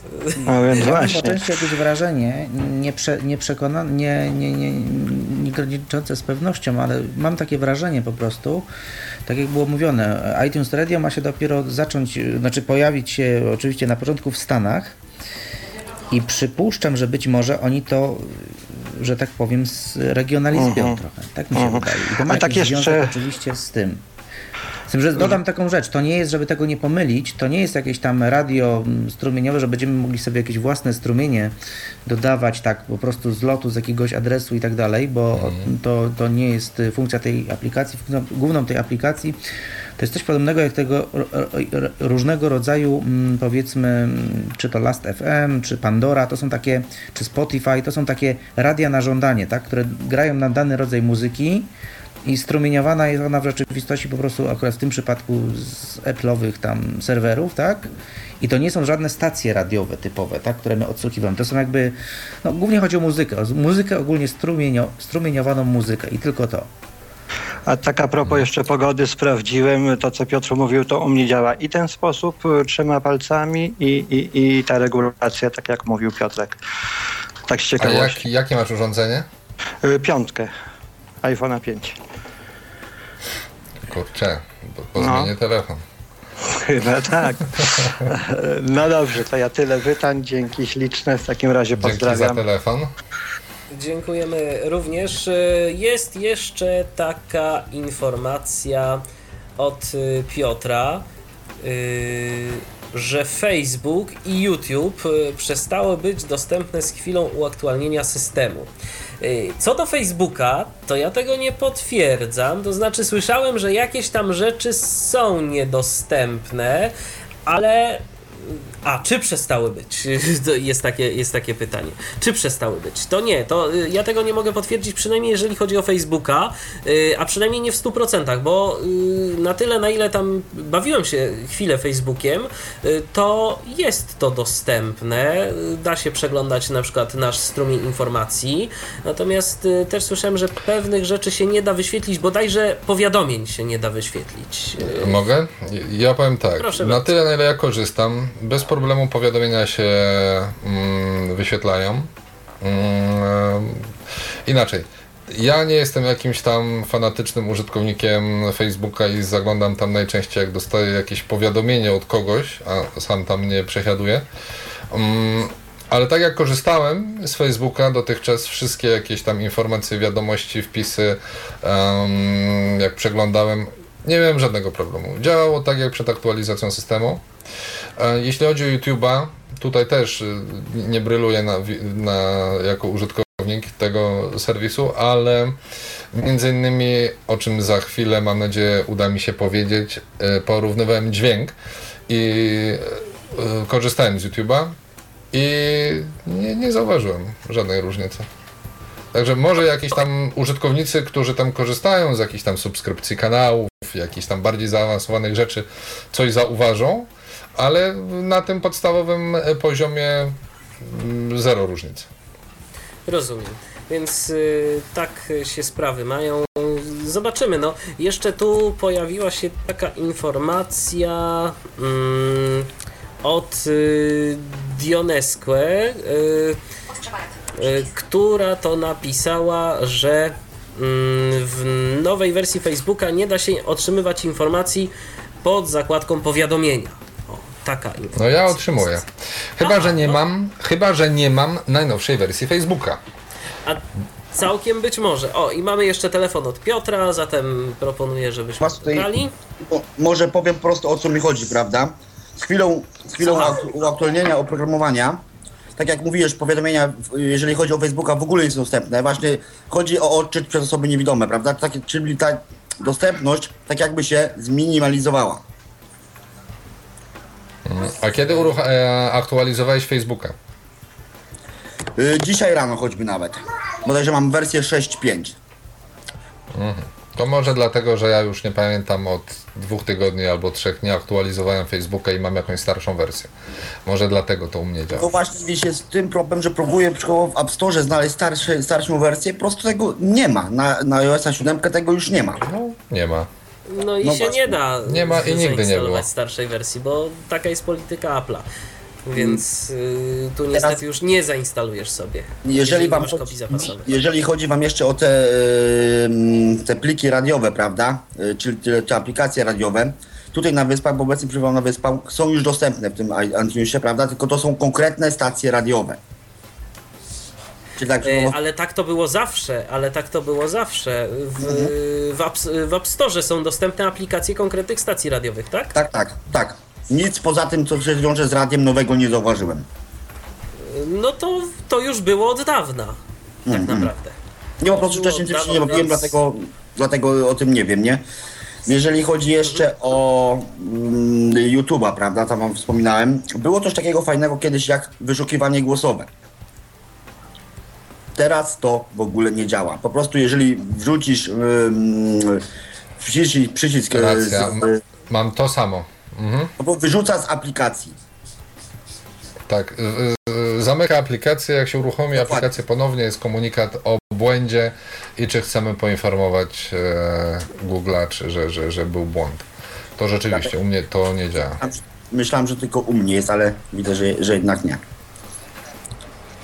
Nic, Może, może po prostu, nie wiem, na, na, następne po prostu może wersje tej siódemki bę- będą lepsze, będą, będzie mniej błędów. Ale czekaj Piotr, czekaj, bo ja ci powiem tak, nie zauważyłem jednej rzeczy. Jak uruchomiłem YouTube'a, Mhm. nie zostałem poproszony o zgodę na skorzystanie z mikrofonu. A nowy iOS 7 e, pyta, prosi o, to jest kolejna zmiana w systemie, prosi o możliwość skorzystania z mikrofonu. Mhm. I Tak. nie wiem, może albo YouTube nie został zaktualizowany i nie pyta o to. Mhm. Myślę, że to chyba tak jest zrobione. Dlatego, dlatego system blokuje tą aplikację. No właśnie tam przeglądałem, właśnie bawiłem się ustawieniami, ten mikrofon rzekomo jest włączony. Rzekomo jest e, przypisany do. To po prostu nie chodzi. Aha. No to nie wiem. Czy, tak- to tak-. Może po prostu jakiś błąd, który zostanie w przyszłości naprawiony. Tak naprawdę. Nie, no, mam takie ja moje zdanie. Sprawdziłem właśnie w tej chwili. Takie moje ja ogólnie zdania. Piotrze, Mhm. A. Ja właśnie przed chwileczką sprawdziłem tą, tą rzecz, znaczy co prawda przy wyłączonym voiceoverze, a propos ten komunikat o mikrofon i dopiero ten komunikat się pojawił w momencie, kiedy ja mikrofon nacisnąłem. Ta zgoda o prośbę na o, Tak, na bo to za, zawsze za pierwszym razem, kiedy aplikacja chce skorzystać z mikrofonu, to w tym momencie jest proszona o zgodę. Tak, niekoniecznie przy pierwszym Użytkownik uruchomieniu jest proszony o zgodę. Tak, tak. Jest. To się zgadza. Nic, będę musiał pokombinować, może coś tam, coś się tam ruszy, jeszcze zobaczymy. Nie mówię, no o, ogólnie jeżeli chodzi o moje spostrzeżenia, to może dla osób widzących on ma jakieś ładniejsze wydruk i tak dalej, ale mi się wydaje, że jeżeli chodzi o osoby niewidome, to jest dużo gorsza, go- dużo go- gorsze wydanie niż szóstka. Okej, Nie No my teraz chętnie też przejdziemy do, Właśnie, do minusów, bo- bo, bo- bo na razie mówiliśmy o zmianach. Nie wiem, jak jeszcze może tak na koniec, żeby już tam nie, nie, nie, nie przedłużać. Nie wiem, jak u was e, chodzą te e, chodzą i- iPhony 4 eski, bo u mnie strasznie się mulą na tym nowym systemie. No to właśnie o tym też chcemy zacząć teraz opowiadać, czyli o minusach w systemie. Na razie opowiadaliśmy o zmianach, a Teraz, teraz, będziemy chcielibyśmy... hejtować. Dobra, jest. dobra, No tak dzięki za odpowiedź do usłyszenia. Dziękujemy Piotrze. Dzięki, dobranoc. To może jeszcze przed tym hejtem jeszcze jedna drobniutka funkcja, która jest ciekawa, nowa. W- y, Jeżeli chodzi o mapy. W mapach wprowadzono w y, końcu, y, długo oczekiwaną, no, myślę, że również przez właśnie, niewidomych, właśnie. Funkcję, mm, która była do tej, do, do tej pory była tylko dostępna dla nawigacji samochodowej, mianowicie wskazówki zakręt po zakręcie, komunikaty zakręt po zakręcie i nawigowanie na zakręt po zakręcie. To też jest obecnie jest teraz dostępne również dla nawigacji pieszej. Czyli jeżeli udajemy się w drogę pieszą, on może nas nawigować, skręć w, w tą ulicę, w tamtą ulicę przy konkretnych manewrach i co ciekawe, z poziomu aplikacji, w ustawieniach aplikacji mapy możemy zdefiniować, czy naszym podstawowym jakby sposobem wyszukiwania trasy jest yy, no, chodzenie z buta, potocznie mówiąc, czy jednak A w samochód. którym miejscu ustawień to się znajduje? Bo ja ci powiem, patrzyłem za tym i nie, nie, nie znalazłem. Wiesz co, wydaje mi się, mogę jeszcze to tak na bardzo, bardzo szybko mm, sprawdzić, ale wydaje mi się, że to jest w globalnych ustawieniach w ogóle systemu. A, Trzeba system. Jednak, tak mi się Okej, wydaje. czyli że, pewnie że to jest- ustawienia i mapy, tak? Na tej zasadzie. Tak, tak, Dobra, tak, tak, no tak, to tak nic, mi się nie przedłużajmy, jak coś to sobie poszukam, e, ale najważniejsze, że jest taka funkcja i teraz tylko pozostaje tak, sprawdzić, na ustawieniach mapy. ile, na Preferowana ile trasa. działa. Samo, preferowana trasa. Samochód, yy, marsz. Takie są dwie opcje. Mhm. Mhm. No, okej. Także tak. taka rzecz. Mogę pohejtować? Mogę? To hej. Proszę bardzo Piotrze, hejtuj. Słuchajcie, tak jak zachwyciła, jest jedna rzecz, która mnie zachwyciła, czyli to pisanie ręczne, tak rzecz, która mnie po prostu e, e, rozwaliła. Nie mówię, pomijając Zosię, tak? To jakość dźwięku, jaki generuje nowy system. Jak dla mnie jest po prostu odrażająca. Nie wiem skąd to się bierze, ale jest to straszne.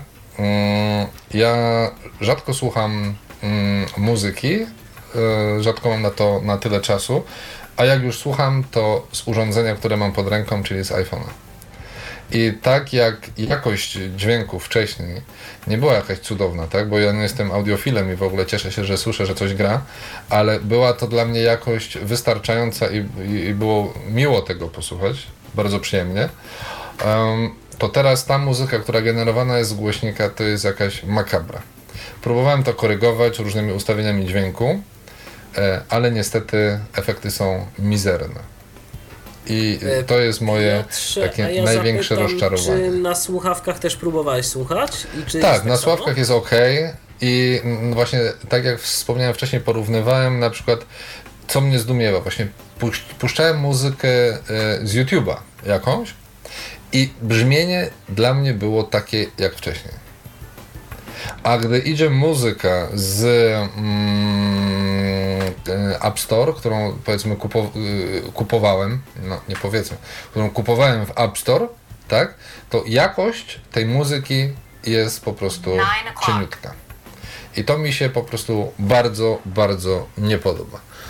Nie mam pojęcia, czym to jest spowodowane, mm, no ale bardzo mnie to mierzy. A propos dźwięku, to przy Zosi zapomniałem wspomnieć, nie wiem, czy wy też macie takie odczucie, ale dla mnie ten dźwięk jest głośniejszy. Zosia jest głośniejsza znacznie od Agaty.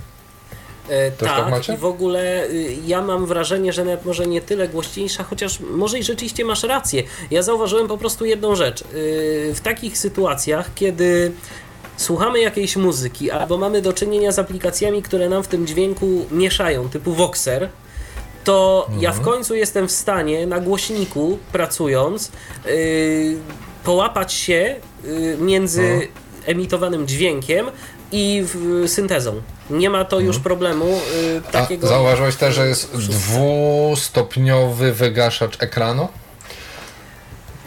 Mm, Czyli to najpierw znaczy- mamy, blokujemy ekran, tak? Słyszymy tam powiedzmy Tak. ekran zablokowany. Mija jakieś tam 5 minut i ponowny komunikat ekran zablokowany. To pewnie Mikołaj mógłby nam podpowiedzieć, czy, czy w tym czasie na przykład coś się mu wyświetla, na przykład godzina na ekranie, że on od razu nie gaśnie. Powiem Ale tak, y, ja wizualnie, Mhm. wizualnie mm, jest tak samo jak w iOSie 6. Z moich doświadczeń, mówię tylko o moich doświadczeniach. Mhm. Ekran gaśnie i tyle. No to No ja może mówię, ja mam takie... Zapytam, a zapytam Cię o jedną rzecz. Y, Czy w momencie, kiedy iOS mówi Ci, że jest ekran zablokowany, y, to czy Ty, kiedy przesuwasz palcem... On nie jest ekranie, aktywny, nie, nie, Do... nic nie reaguje, nic nie A reaguje. to ja nie mam czegoś takiego. A widzisz, a ja mam.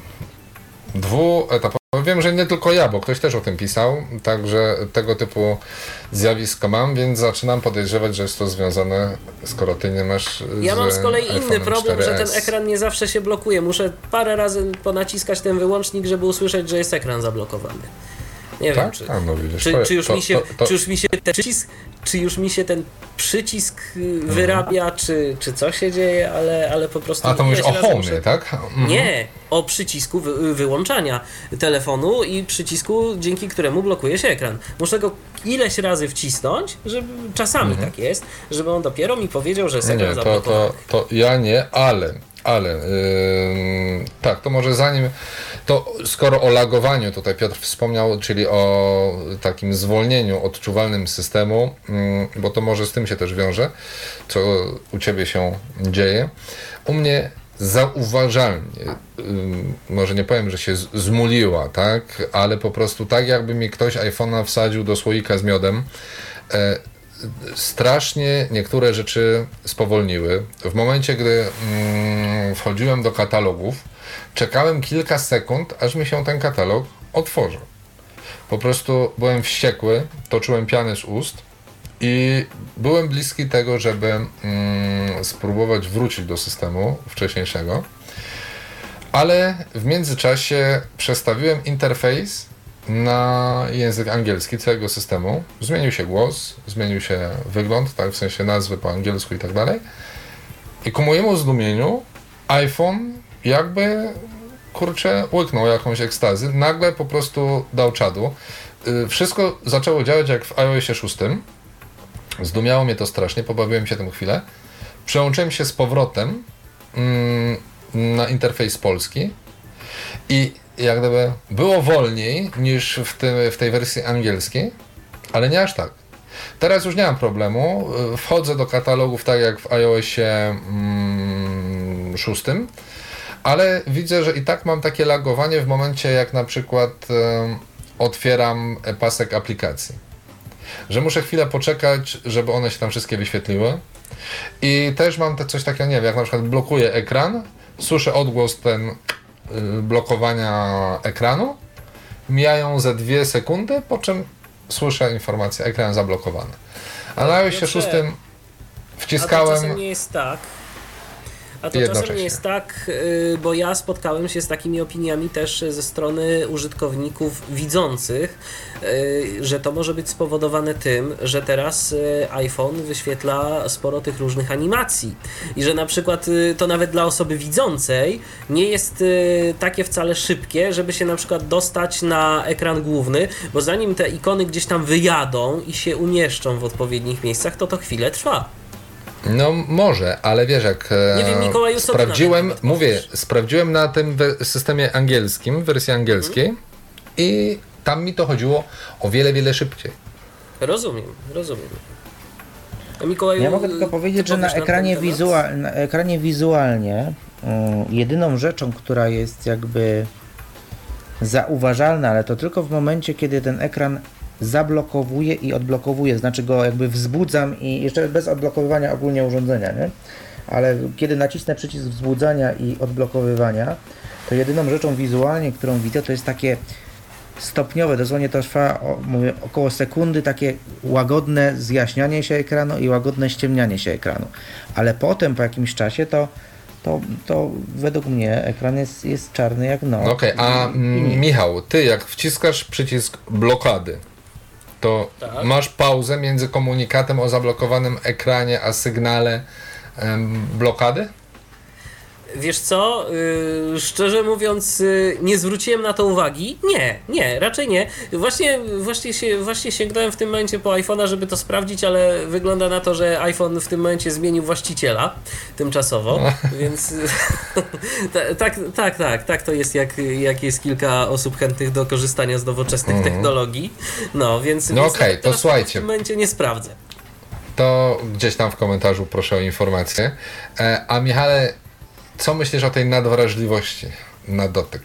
Bo ja najpierw tak, e, ja byłem bardzo zadowolony, że mm, zwiększyła się ta responsywność ekranu, bo teraz się pisze szybciej. Szybciej się pisze, nie musimy tyle czekać na wstawienie znaku na klawiaturze wirtualnej.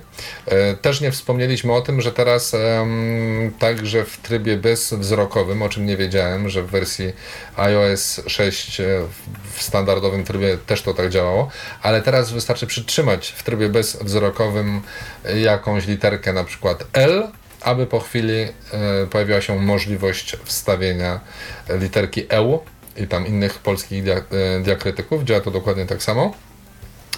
E, Ale ta większa responsywność, y, to, że szybciej ekran reaguje na nasz dotyk, tak, ma minusy. I sprawdziłem to wczoraj, jak, jak się pisze maile, dłuższe teksty. No i nie ma wesoło, bo wystarczy delikatnie dotknąć e, fragmentu pola edycyjnego nad naszą wyświetloną klawiaturą i ucieka nam, ucieka nam fokus najpierw myślałem, że w jakieś miejsce takie nieznane, nieprzewidywalne. W przypadku maila on skacze na początek stopki. Czyli jak gdyby, jeśli dotknęliśmy, pisząc normalnie maila po kolei, to wystarczy, będąc na pokrętle, cofnąć się o, o, o dwa znaki, jeśli mamy znaki ustawione i jesteśmy w miejscu, w którym skończyliśmy pisać. Gorzej, jeśli edytujemy jakiś e, dokument, jakiś tekst, jesteśmy gdzieś na początku, nie wiem, dwustronicowego dokumentu, maźniemy ekran i hyc. fokus nam skacze na dół maila. No to wtedy po prostu to piana z ust. się zgadza, ale też jest jeszcze inny problem. Przynajmniej ja to zauważyłem w aplikacji Liri. Ja z tej aplikacji naprawdę bardzo często korzystam do czytania różnego rodzaju RSS-ów. Yy, mam w ogóle taką takie wrażenie, że, że- że w ogóle VoiceOver teraz czyta jakby trochę więcej i to mi się wcale nie podoba, że on czyta więcej, bo bardzo często zauważyłem, że na przykład na stronach internetowych, przynajmniej w okienku tej aplikacji, kiedy pojawia się jakiś tekst, który jest linkiem, to on jest czytany jakby podwójnie. Więc mamy tekst, który jest podlinkowany, a dopiero potem ten link, ale ja nie o tym, Mhm. tylko o czymś innym. Teraz muszę się bardzo wystrzegać, żeby niechcący nie dotknąć ekranu kiedy mm, dwoma y, gestem, dwa palce w dół rozpoczynam Mhm. czytanie ciągłe. Bo nie daj Boże, dotknę tylko gdzieś tam leciutko, nawet niechcący, przez pomyłkę to już w tym momencie gdzieś tam przeskakuje mi ten y, kursor w jakieś inne miejsce, także to wcale nie jest tak. Y, Znaczy nie, no, z tym to miałem wcześniej, to, to też tak miałem w iOSie 6, że gdzieś tam dotknąłem i wcześniej też gdzieś tam, nawet w E, polach tak, edycyjnych, tylko- w maila też ten czasem- kursor uciekał, ale nie, wys, nie tak leciutko, prawda? Gdzieś tam No to- właśnie, o to mi chodzi, o tą lekkość, bo wiadomo, no jeżeli dotkniesz, no to ty oczekujesz od tego telefonu, że on rzeczywiście y, będzie się zachowywał tak, jak ty sobie tego życzysz, Mhm. że ty chcesz tam gdzieś się przemieścić, ale tu wystarczy leciutko dotknąć i on już jest na tyle wrażliwy, że gdzieś tam sobie skacze.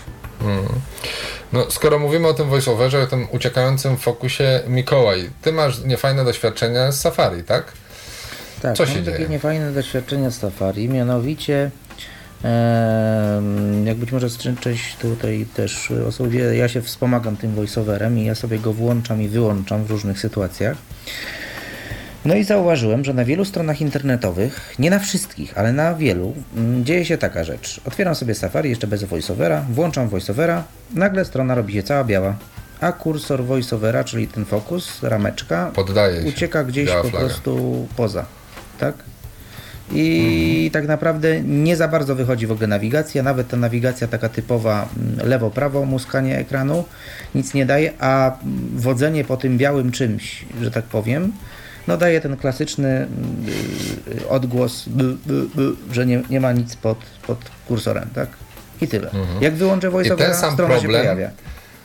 Ten sam problem najprawdopodobniej w ogóle dotyczy mm, całej współpracy VoiceOvera z HTML-em, bo też już zwróciłem uwagę na problem, jaki się pojawił w aplikacji Dropbox i plikach y, z gazetami z kiosku. W iOSie 7, w najnowszej wersji Dropboxa, te pliki zachowują się, czy wyświetlają się tak, jak mówi Mikołaj. Raz wyświetlają się jakieś fragmenty mm, kodu źródłowego, czasem informacja w ogóle znika. W ogóle mm, struktura nagłówków nie jest odczytywana. No, nie można się zapoznać z treścią tego typu plików, dokumentów i jest to ewidentnie wina mm, nowego systemu i sposobu działania właśnie voiceovera. Także to jest taki ogromny, ogromny minus, bo w końcu to jest smartfon, z którego mamy korzystać z internetu. No a jeśli mowa o internecie, no to też trzeba powiedzieć o mailu. Ja testując wysyłanie, odbieranie poczty, to po prostu nie wierzyłem, co ten mój telefon wyprawia. E, Bo na przykład e, w momencie, gdy próbowałem otworzyć aplikację, e, program mi się zamykał. I to parokrotnie, tak? Ja otwieram aplikację, coś tam próbuje zadziałać, program ciach, zamyka mi się. I tak pięć razy. Y, Wchodzę do katalogu, zamyka mi się. Rozwijam wątek, zam, zamyka mi się. No, byłem już bardzo zły, ale najbardziej się zdumiałem w momencie, gdy miałem ubitą aplikację z paska, mm, zupełnie niedziałającą i nagle, słuchajcie, słyszę ten charakterystyczny odgłos, bo nie zmieniałem, więc standardowy odbieranej poczty. Mój mm, program nie, nie pobrał poczty, przynajmniej nic nowego się nie pojawiło, żadnego znaczka przy ikonce, ale sygnał, że było jakieś połączenie z internetem programu pocztowego był. Jak coś pobrał, może nie wiem, wrzucił do spamu, czy, czy, czy, czy coś na tej zasadzie, bo to jest jedna z opcji też nowych w mailu. Możemy mm, oznaczać wiadomości jako niechciane. No to Mm, może to odbyło się na tej zasadzie, tak? Ale program był wyłączony. Nie miał prawa ściągnąć mi poczty, No, a ściągnął. Em, mówiliśmy o App Store, że działa szybko. Ja chciałbym się pożalić, e, że zniknęły moje aktualizacje. Nie mam dostępu do aktualizacji. To, czym mówiliśmy, po uruchomieniu App Store, po aktualizacji systemu, miałem kilkadziesiąt nowych aktualizacji. I pierwsze e, uruchomienie pada pytanie, czy właśnie chcę włączyć opcję e, automatycznej aktualizacji. Mm, turn on, ja się nie zgodziłem, not now. I jak dałem not now, wszystkie aktualizacje zostały ukryte. E, nie wiem, jak się do nich dostać. W tym momencie, jeśli chcę coś zaktualizować, muszę wyszukiwać tego poprzez e, normalne, klasyczne pole wyszukiwania. I będąc na tej aplikacji, dopiero e, zamiast tam nie mam przycisku wtedy mm, kup czy tam instaluj, tylko jest po prostu update. Klikam w to i, i pobieram aplikację, bo mm, nie mam innej metody. Jak klikam update, nic mi się nie wyświetla mm, w aplikacji e, App Store. Um, mogę jeszcze hejtować, bo tak cicho siedzicie, nie? Możesz, co, możesz, to ja, mogę się, ja mogę się podpiąć pod to, co powiedziałeś, bo ja mam jeszcze dziwniejsze zachowania. To znaczy, dziwniejsze o tyle, że ja te aktualizacje mam.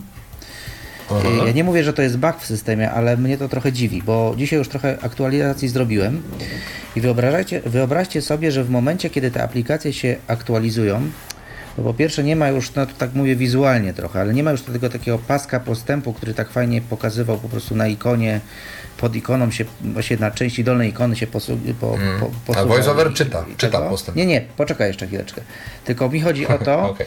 że teraz ten mm, postęp, że tak powiem, zrobiono w formie zupełnie po przeciwległej stronie ekranu, to tak mówię trochę wizualnie i lokalizacyjnie, po przeciwległej stronie ekranu zupełnie zrobiono ten postęp, w formie takiego mikroskopijnego kółeczka i to jeszcze tą, tym bladym kolorkiem, tak? Ja nie jestem w stanie stwierdzić, czy to się kręci, co, czy to tak się jak nie wykres kręci. kołowy, tak? Czy, czy Wykres jakoś kołowy, ale gorzej niż wykres kołowy, bo to jest wykres tylko wykres okręgowy to jest. O, tak bym powiedział. To nie jest, bo koło to wiesz, to masz jeszcze w środku koła masz jakąś płaszczyznę, prawda? Mhm. A to jest po okręgu, tak? I to jest tak cienkie, ja nie jestem w stanie stwierdzić, ile już się zaktualizowało, to jest raz. Ale co ciekawe, jak aplikacja dana się zaktualizuje, to ona spada na taką podlistę zaktualizowaną dnia. Tego i tego. I wyobraźcie sobie, ja w tej A chwili... gdzie jest ta podlista? Ona na samym dole się, się tworzy, że tak powiem. I teraz ja y, z ciekawości wło- A mówisz, sobie... przepraszam, że cię przerywam ciągle, ale mówisz o App Store na iPadzie czy na iPhone'ie, bo one się różnią. Nie, nie, na, na iPadzie, na iPadzie. Aha, no to... Ale, wchodzi, ale niezależnie od wszystkiego chodzi mi o aktualizację, o sekcję aktualizacji. Tak? Mhm. I po prostu w tej Znaczy- chwili mam taki śmieszny ekran, na którym mam nowe aktualizacje na górze ekranu, a rzeczy, które już zaktualizowałem, mam na dole ekranu i to są i daty się pojawiają, kiedy ja to aktualizowałem. A mnie to tak naprawdę guzik obchodzi, kiedy ja to aktualizowałem. Jakaś historia aktualizacji mi się tworzy, to w każdym razie. Aha. A ja powiem szczerze, a propos aktualizacji, a propos App Store'a, jedna rzecz, która mi się podoba, a której nie było, tak y, troszeczkę y, zmieniając temat y, na momencik, bo to jest myślę, że dosyć ciekawe, taki drobiazg. W momencie aktualizacji jakiejś aplikacji, jeżeli robimy to ręcznie, to y, w końcu App Store podaje nam informację, ile z ilu y, megabajtów pobrał. Y, Taka, No taka drob-. Taka drobna rzecz, a mi to się bardzo podoba, bo te procenty to tak jakoś niespecjalnie mnie przekonywały, kiedy na przykład No, w ogóle jeszcze, skoro mowa o pobieraniu, to Apple, tylko nie pamiętam wartości w tym momencie, ale wiem, że zwiększył limit 100 mega. pobierania przez 100 mega. 3G. Tak, wcześniej było 20, jeśli dobrze pamiętam.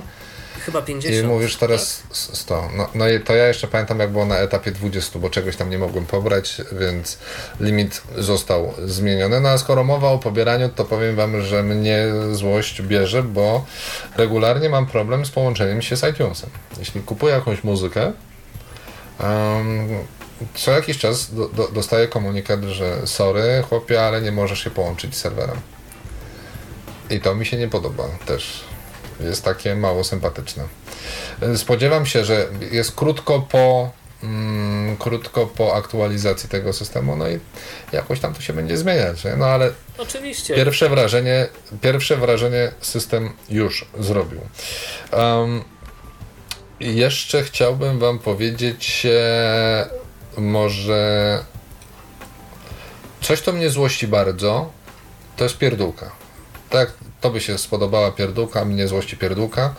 Um, zegar. Normalnie zegar ma ileś tam zakładek, tam dwa, trzy, cztery chyba. Mm, włączałem sobie w iOSie 6 budzik, bo z tego najczęściej korzystam. Mm, po zamknięciu i otwarciu tej aplikacji byłem znowu w zakładce budzik. Zakładka była zapamiętywana. Teraz, e, chyba że to kwestia e, sposobu wchodzenia do, do tej aplikacji, ale wchodzę do niej z centrum sterowania i za każdym razem jestem w minutniku. I dopiero muszę się przełączać na budzik i dopiero ustawiać sobie godzinę pobudki. To jest pierdółka, ale złości mnie to po prostu to takie drobiazgi, które irytują. To powiem A to właśnie tak, że na Apple zawsze iPadzie to się nie z dzieje. tego, że drobiazgi były dopracowane do perfekcji. No, okazuje się, że nie. No właśnie, a też wchodzisz do tej aplikacji Mikołaju z e, centrum sterowania? Tak, tak, tak, tak. I na iPadzie mi się to nie dzieje. Ale na iPadzie. A no widzisz. No to mnie to irytuje bardzo, bo na iPhone'ie tak mi się dzieje. Mm, Jeśli komuś też tak się dzieje lub nie, to ewentualnie prosimy o informację w komentarzach. No a Mikołaju, mówiłeś, że usłyszałeś historię już, że ktoś sobie jakiś kuku zrobił z nową rozbudowaną opcją Find My iPhone. Tak, znalazła się e, taka ta funkcja Find My, Find My iPhone została nieco zaktualizowana, mianowicie doszła taka mm, przy pierwszym jakby uruchomieniu tej funkcji nie musimy tego oczywiście z tego korzystać, ale doszło takie jakby specjalne dodatkowe mm, zabezpieczenie, które jest y, mm, uruchamiane poprzez wprowadzenie, trzeba sobie wymyślić taki własny dodatkowy PIN jakby, tak? który nam uaktywnia w ogóle tą, tą kwestię, tak? I teraz chodzi po prostu o to, że nasz telefon, ewentualnie w razie jakiejś tam kradzieży czy czegoś, jak my go zablokujemy, to jeszcze dodatkowo mm, możemy totalnie uniemożliwić y, ponowne jakby odtworzenie telefonu, jakiejkolwiek próby wgrywania firmware'u, y, wykasowywania i tak dalej. Y, I to działa w taki sposób, że jeżeli ta osoba będzie chciała mm, to zrobić, to po pierwsze ten PIN musi podać, a jeszcze dodatkowo musi podać nasze hasło do Apple ID. Także mm, zabezpieczono to tak dosyć solidnie. No i tutaj y, jeden ze znajomych y, zadzwonił do mnie jakiś właśnie 2-3 dni temu i, i, i, zrobił sobie takie kuku w postaci ustawił sobie ten PIN, ale chyba zapomniał dwóch ostatnich cyfr tego PIN-u, który sobie ustawił.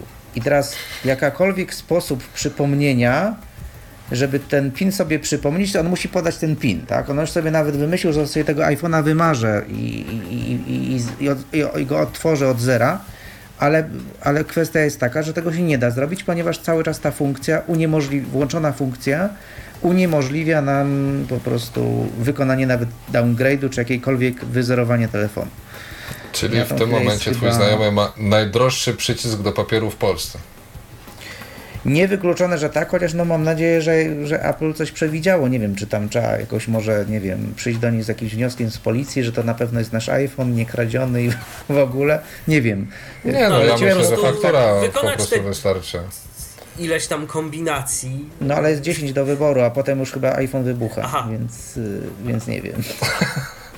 Aha, to, to chyba Żart, sposób- żart. Powiedzmy, że żart, żeby ktoś się nie, nie wystraszył. Żeby ktoś Nie, nie, zaczął próbować. iPhone się blokuje na amen po 10 nieudanych próbach wpisania pinów i innych takich. No, a znając prawa Murphy'ego, to pewnie dziesiąta kombinacja byłaby tą faktyczną, tak? Czyli jeśli wcześniej już były podejmowane jakieś próby, jest duże ryzyko, że się zablokuje. E, Michale, a ty, ponieważ masz linijkę braille'owską, możesz nam powiedzieć coś o nowościach w Braille'u? Przynajmniej jakieś skróty się pojawiły też? Mogę powiedzieć e, o tym, że mamy kilka nowych e, gestów. e, Mamy skrót otwarcia centrum sterowania, spacja i punkt drugi i piąty. Mamy skrót otwarcia mm, centrum powiadamiania, spacja i punkt czwarty i szósty. E, Także to są takie rzeczy nowe, jeżeli chodzi o Braille'a. E, Jeszcze ich nie testowałem, ale podejrzewam, że będą działać, bo akurat nie mam przy sobie linijki braille'owskiej, jest ode mnie hen hen daleko. Natomiast Mhm. działo, natomiast nie widzę powodów, żeby miało to nie działać, powiem w ten sposób. Okej, no to co, panowie, może pomalutku dobijając do brzegu. Do e, brzegu, tak. Po, powiedzmy, jak e, zaktualizować sobie iOS-a, gdyby ktoś był zainteresowany. Tutaj generalnie już odpowiedzieliśmy chyba na to pytanie, rozmawiając ze słuchaczem. Ale podsumowując, możemy powiedzieć, że można to zrobić na co najmniej dwa sposoby. Jeden to podłączając telefon do komputera mm, przez program iTunes, z drzewka urządzeń wybrać sobie mm, nasze urządzenie. Um, jeśli dobrze pamiętam, mm, informacje, tak? Przycisk trzeba nacisnąć? E, Panowie pamiętacie? Zdaje się, że, zdaje się, to że pierwszy- taki, będzie jeszcze taki przycisk y, sprawdź uaktualnienie, czy jakoś tak. Tak, tak. nie W każdym razie nie pamiętam nazwy, bo ja nie pamiętam, która, nigdy nie pamiętam, która to jest nazwa. W każdym razie to jest. E, aha, podsumowanie, dobra. Podsumowanie, Pierwszy przycisk, podsumowanie i idziemy dalej tabulatorem i, i dochodzimy do mm, przycisku, jak mówiłeś? Sprawdź uaktualnienie, czy, czy jakoś tak. y, No, ja w powiem- każdym razie ja jednoznacznie. Wystarczy ja spację ten wcisnąć sposób, i, i się dowiemy, Ja czy mamy nową wersję dostępną. Że pomimo aktualizacji iTunes, na samym początku y, pojawiała mi się informacja właśnie w iTunesie, pomimo tego, że zaktualizowałem ten program, że y, nie ma jeszcze nowego systemu. Podczas gdy za pomocą tej drugiej metody, o której pewnie Piotr za chwilę powiesz, y, już, już dostępny był najnowszy iOS.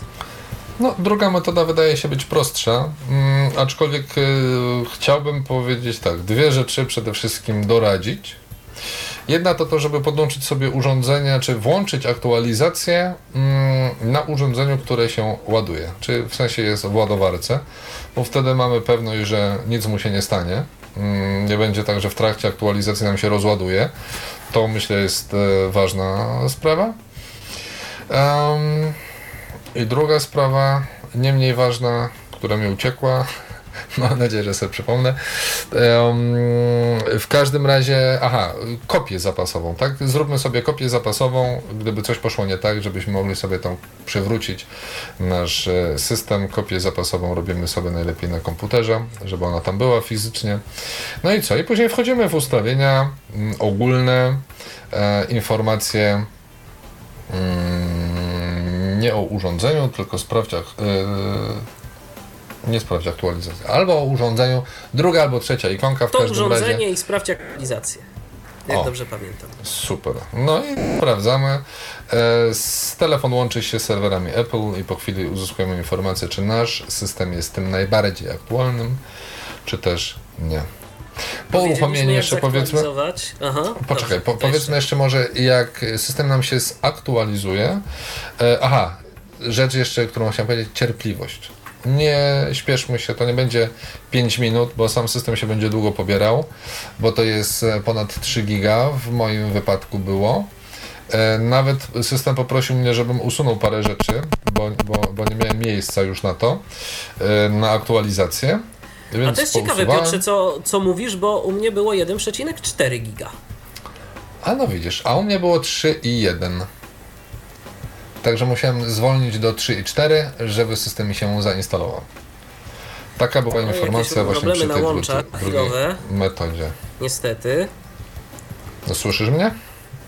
O, już, już chyba wróciło. Całe Bo szczęście. ja, ja, ja Cię słyszę cały czas generalnie, także mam nadzieję, że wszystko w porządku. No w każdym razie cierpliwość. Jak e, włączymy urządzenie, ono nam, jak włączymy aktualizację, jak ona się pobierze, klikniemy aktualizuj, to to urządzenie może nam e, kilkanaście, czasami kilkadziesiąt minut po prostu nawet milczeć, więc nie denerwujmy się, nie klikajmy, nie przytrzymujmy, wciskajmy tam tych przycisków na Bóg wie jak długo, żeby właśnie czegoś nie popsuć, nie zepsuć. E, W momencie, gdy system się zaktualizuje, on po prostu się do nas odezwie. Taka Ja mogę dać moja przykład. sugestia. Mój iPad, który ma co prawda 64 gigowy jest i ja mam dosyć sporo tam różnych mm, aplikacji i tak dalej. On się aktualizował 2,5 godziny. od momentu rozpoczęcia. Mikołaju, jeszcze taka prośba, żebyś się połączył z nami ponownie, bo trzeszczysz. Trzeszczą. Tak, więc, więc Mikołaj jeszcze wykona tak zwany connect i miejmy nadzieję, że za moment do nas wróci. Okej. No tak to No i co, jak czasem wiemy jak aktualizować, to może powiedzmy jak przywrócić system. Dokładnie. Bo to jest też y, dosyć istotne, gdyby się komuś nie spodobał nowy iOS. E, jeżeli chodzi o przywracanie, to największym problemem, y, z jakim się y, mogą zetknąć użytkownicy, to jest skąd ten starszy system wziąć. E, Z wyszukiwarki. Trzeba po prostu poszukać. Mm, Trzeba poszukać, bo Apple. Są serwisy poświęcone tak tematyce. Apple. Tak, gdzie są po prostu jak gdyby składowane różne wersje systemów, ale coś o czym trzeba powiedzieć tutaj, mm, przynajmniej na chwilę obecną, takie mamy informacje, że e, powrót do starego systemu iOS 6.1.3, czyli najstarszej wersji 6, możliwy jest tylko i wyłącznie na iPhone'ie 4, 3GS. Mówimy o tych udźwiękowionych. Bo nowsze modele 4S, 5, 5C, 5S, jeśli ktoś już ma, to po prostu jest to niemożliwe. Przynajmniej na chwilę obecną. Myślę, Ale że nie można jeśli w ogóle zainstalować systemu jako takiego z obrazu? podobno. Aha, a to ciekawe. Znaczy to jest podobno związane z tym, że Apple te obrazy jakoś tam podpisuje. I, od, y, i, I przez to, że tak naprawdę w tych y, różnego rodzaju serwisach, z których się jakby pobiera te obrazy, to tak naprawdę te obrazy są ściągane z, ser, z serwerów Apple'a. Mm, I, I podobno jest jakaś kwestia tam z podpisywaniem cyfrowym tej, tych, tych, tych, tych. Więc trzeba by było tak- po prostu, jeżeli ktoś by chciał y, próbować, to, to poszukać sobie gdzieś indziej, na jakichś innych stronach, w jakichś innych serwisach y, tych, y, podpi- tych y, podpisanych jakby wcześniej tych y, kopii, ale to już musi się wtedy liczyć z tym, no, że z takim systemem może jeszcze dostać jakiś dodatek. To, to jest zawsze ryzyko. I dodatek Mhm. nie, niezbyt przyjemny, powiedzmy od razu. No to panowie, kończąc tą wieczorową porą, tą przemiłą dyskusję, chciałbym wam zadać pytanie. Na koniec ja sam postaram zadać. się na nie odpowiadać. No to proszę, to zadaję. To Okej. mogę odpowiedzieć nawet pierwszy. Dobrze, to, to, to w takim razie zadanie. Skoro powiedzieliśmy, jak zaktualizować system iOS do najnowszej wersji, do wersji 7, to czy w ogóle Waszym zdaniem jest sens, żeby go aktualizować, jeżeli ktoś ma szóstkę? No to Piotrze, skoro się wyrywasz do odpowiedzi, słuchamy. No okej, to powiem tak. Mm, Zainstalowałem system nowy z paru powodów. O pobudkach parę słów. Przede wszystkim dlatego, mm, że zżerała mnie dzika ciekawość, co tam będzie, jak to będzie działało.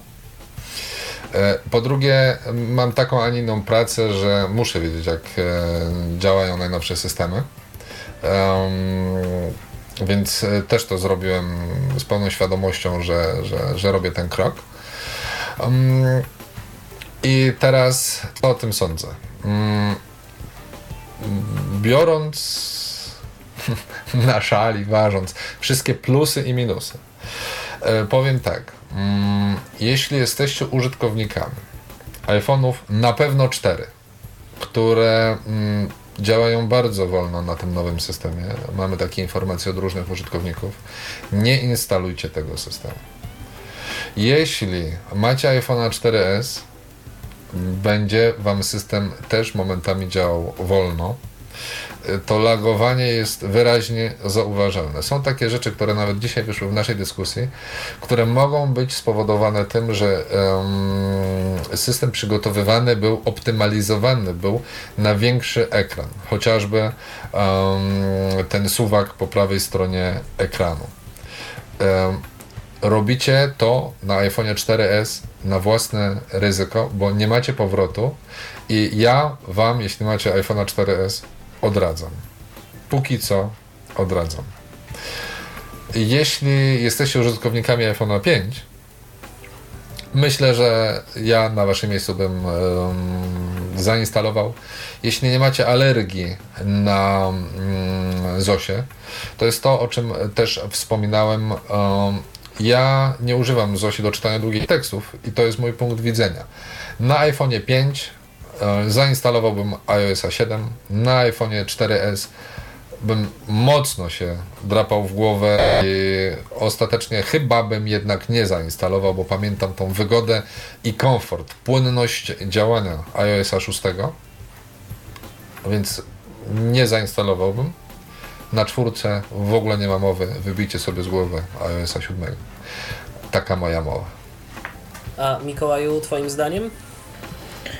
E, Ja gdzieś się przychylam do tego, co Piotr powiedział, ale mm, z taką może pewną nadzieją obserwowałbym, co się dzieje. Być może y, my tutaj z Piotrem oczywiście jesteśmy jakimiś tam do pewnego stopnia zaświrowanymi, nadgryzionymi, którzy wszystko od razu tak chcą mieć testować. Ja powiem tak, w moim przypadku mój iPhone, tutaj nawet leżący po prawej, on cały czas ma iOS 6, a mój iPad leżący po lewej już ma iOS 7, tak? I jeszcze się cały czas głęboko zastanawiam, nawet po tym, co Piotr przed chwileczką y, powiedział. Ja powiem tak, jeżeli y, y, iPhone, czy, czy iPad, czy jakiekolwiek z tych i urządzeń jest waszym no, takim jedynym i kluczowym mm, urządzeniem, które jest yy, no, do pracy Wam potrzebne, tak? No bo, znaczy do pracy jakiejkolwiek, nie tylko mówię pracy zawodowej, ale takiej w domu. Jest po prostu narzędziem pracy, a nie tylko, jak to się mówi, gadżetem. I jeżeli jesteście mocno przyzwyczajeni do tego, co znacie, to na tą chwilę, mm, mówię, jesteśmy niecały, niecały tydzień po pojawieniu się y, systemu, dosłownie kilka dni. Obserwujmy, obserwujmy to, co się dzieje tutaj na, na naszych listach, obserwujmy to, co, to, co się dzieje y, w dalszym czasie.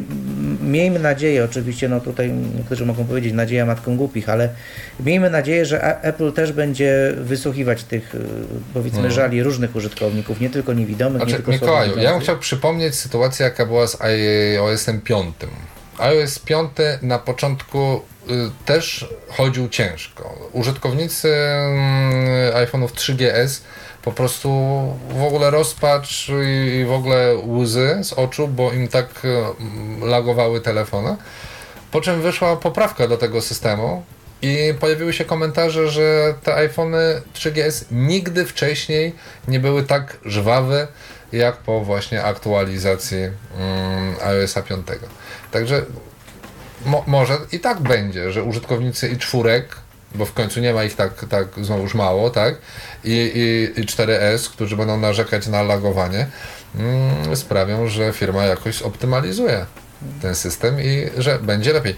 Poza tym, e, słuchajcie, my tutaj się zastanawiamy nad e, przejściem z iOS 6 na iOS 5, e, 7. E, mówię o piątce, bo o piątce chcę powiedzieć. Em, ja mam iPada, na którym mam iOS-a 5, ponieważ ten system najbardziej podoba się mojej żonie, która mm, korzysta najczęściej z tego y, tabletu, gdy, gdy mam go w domu.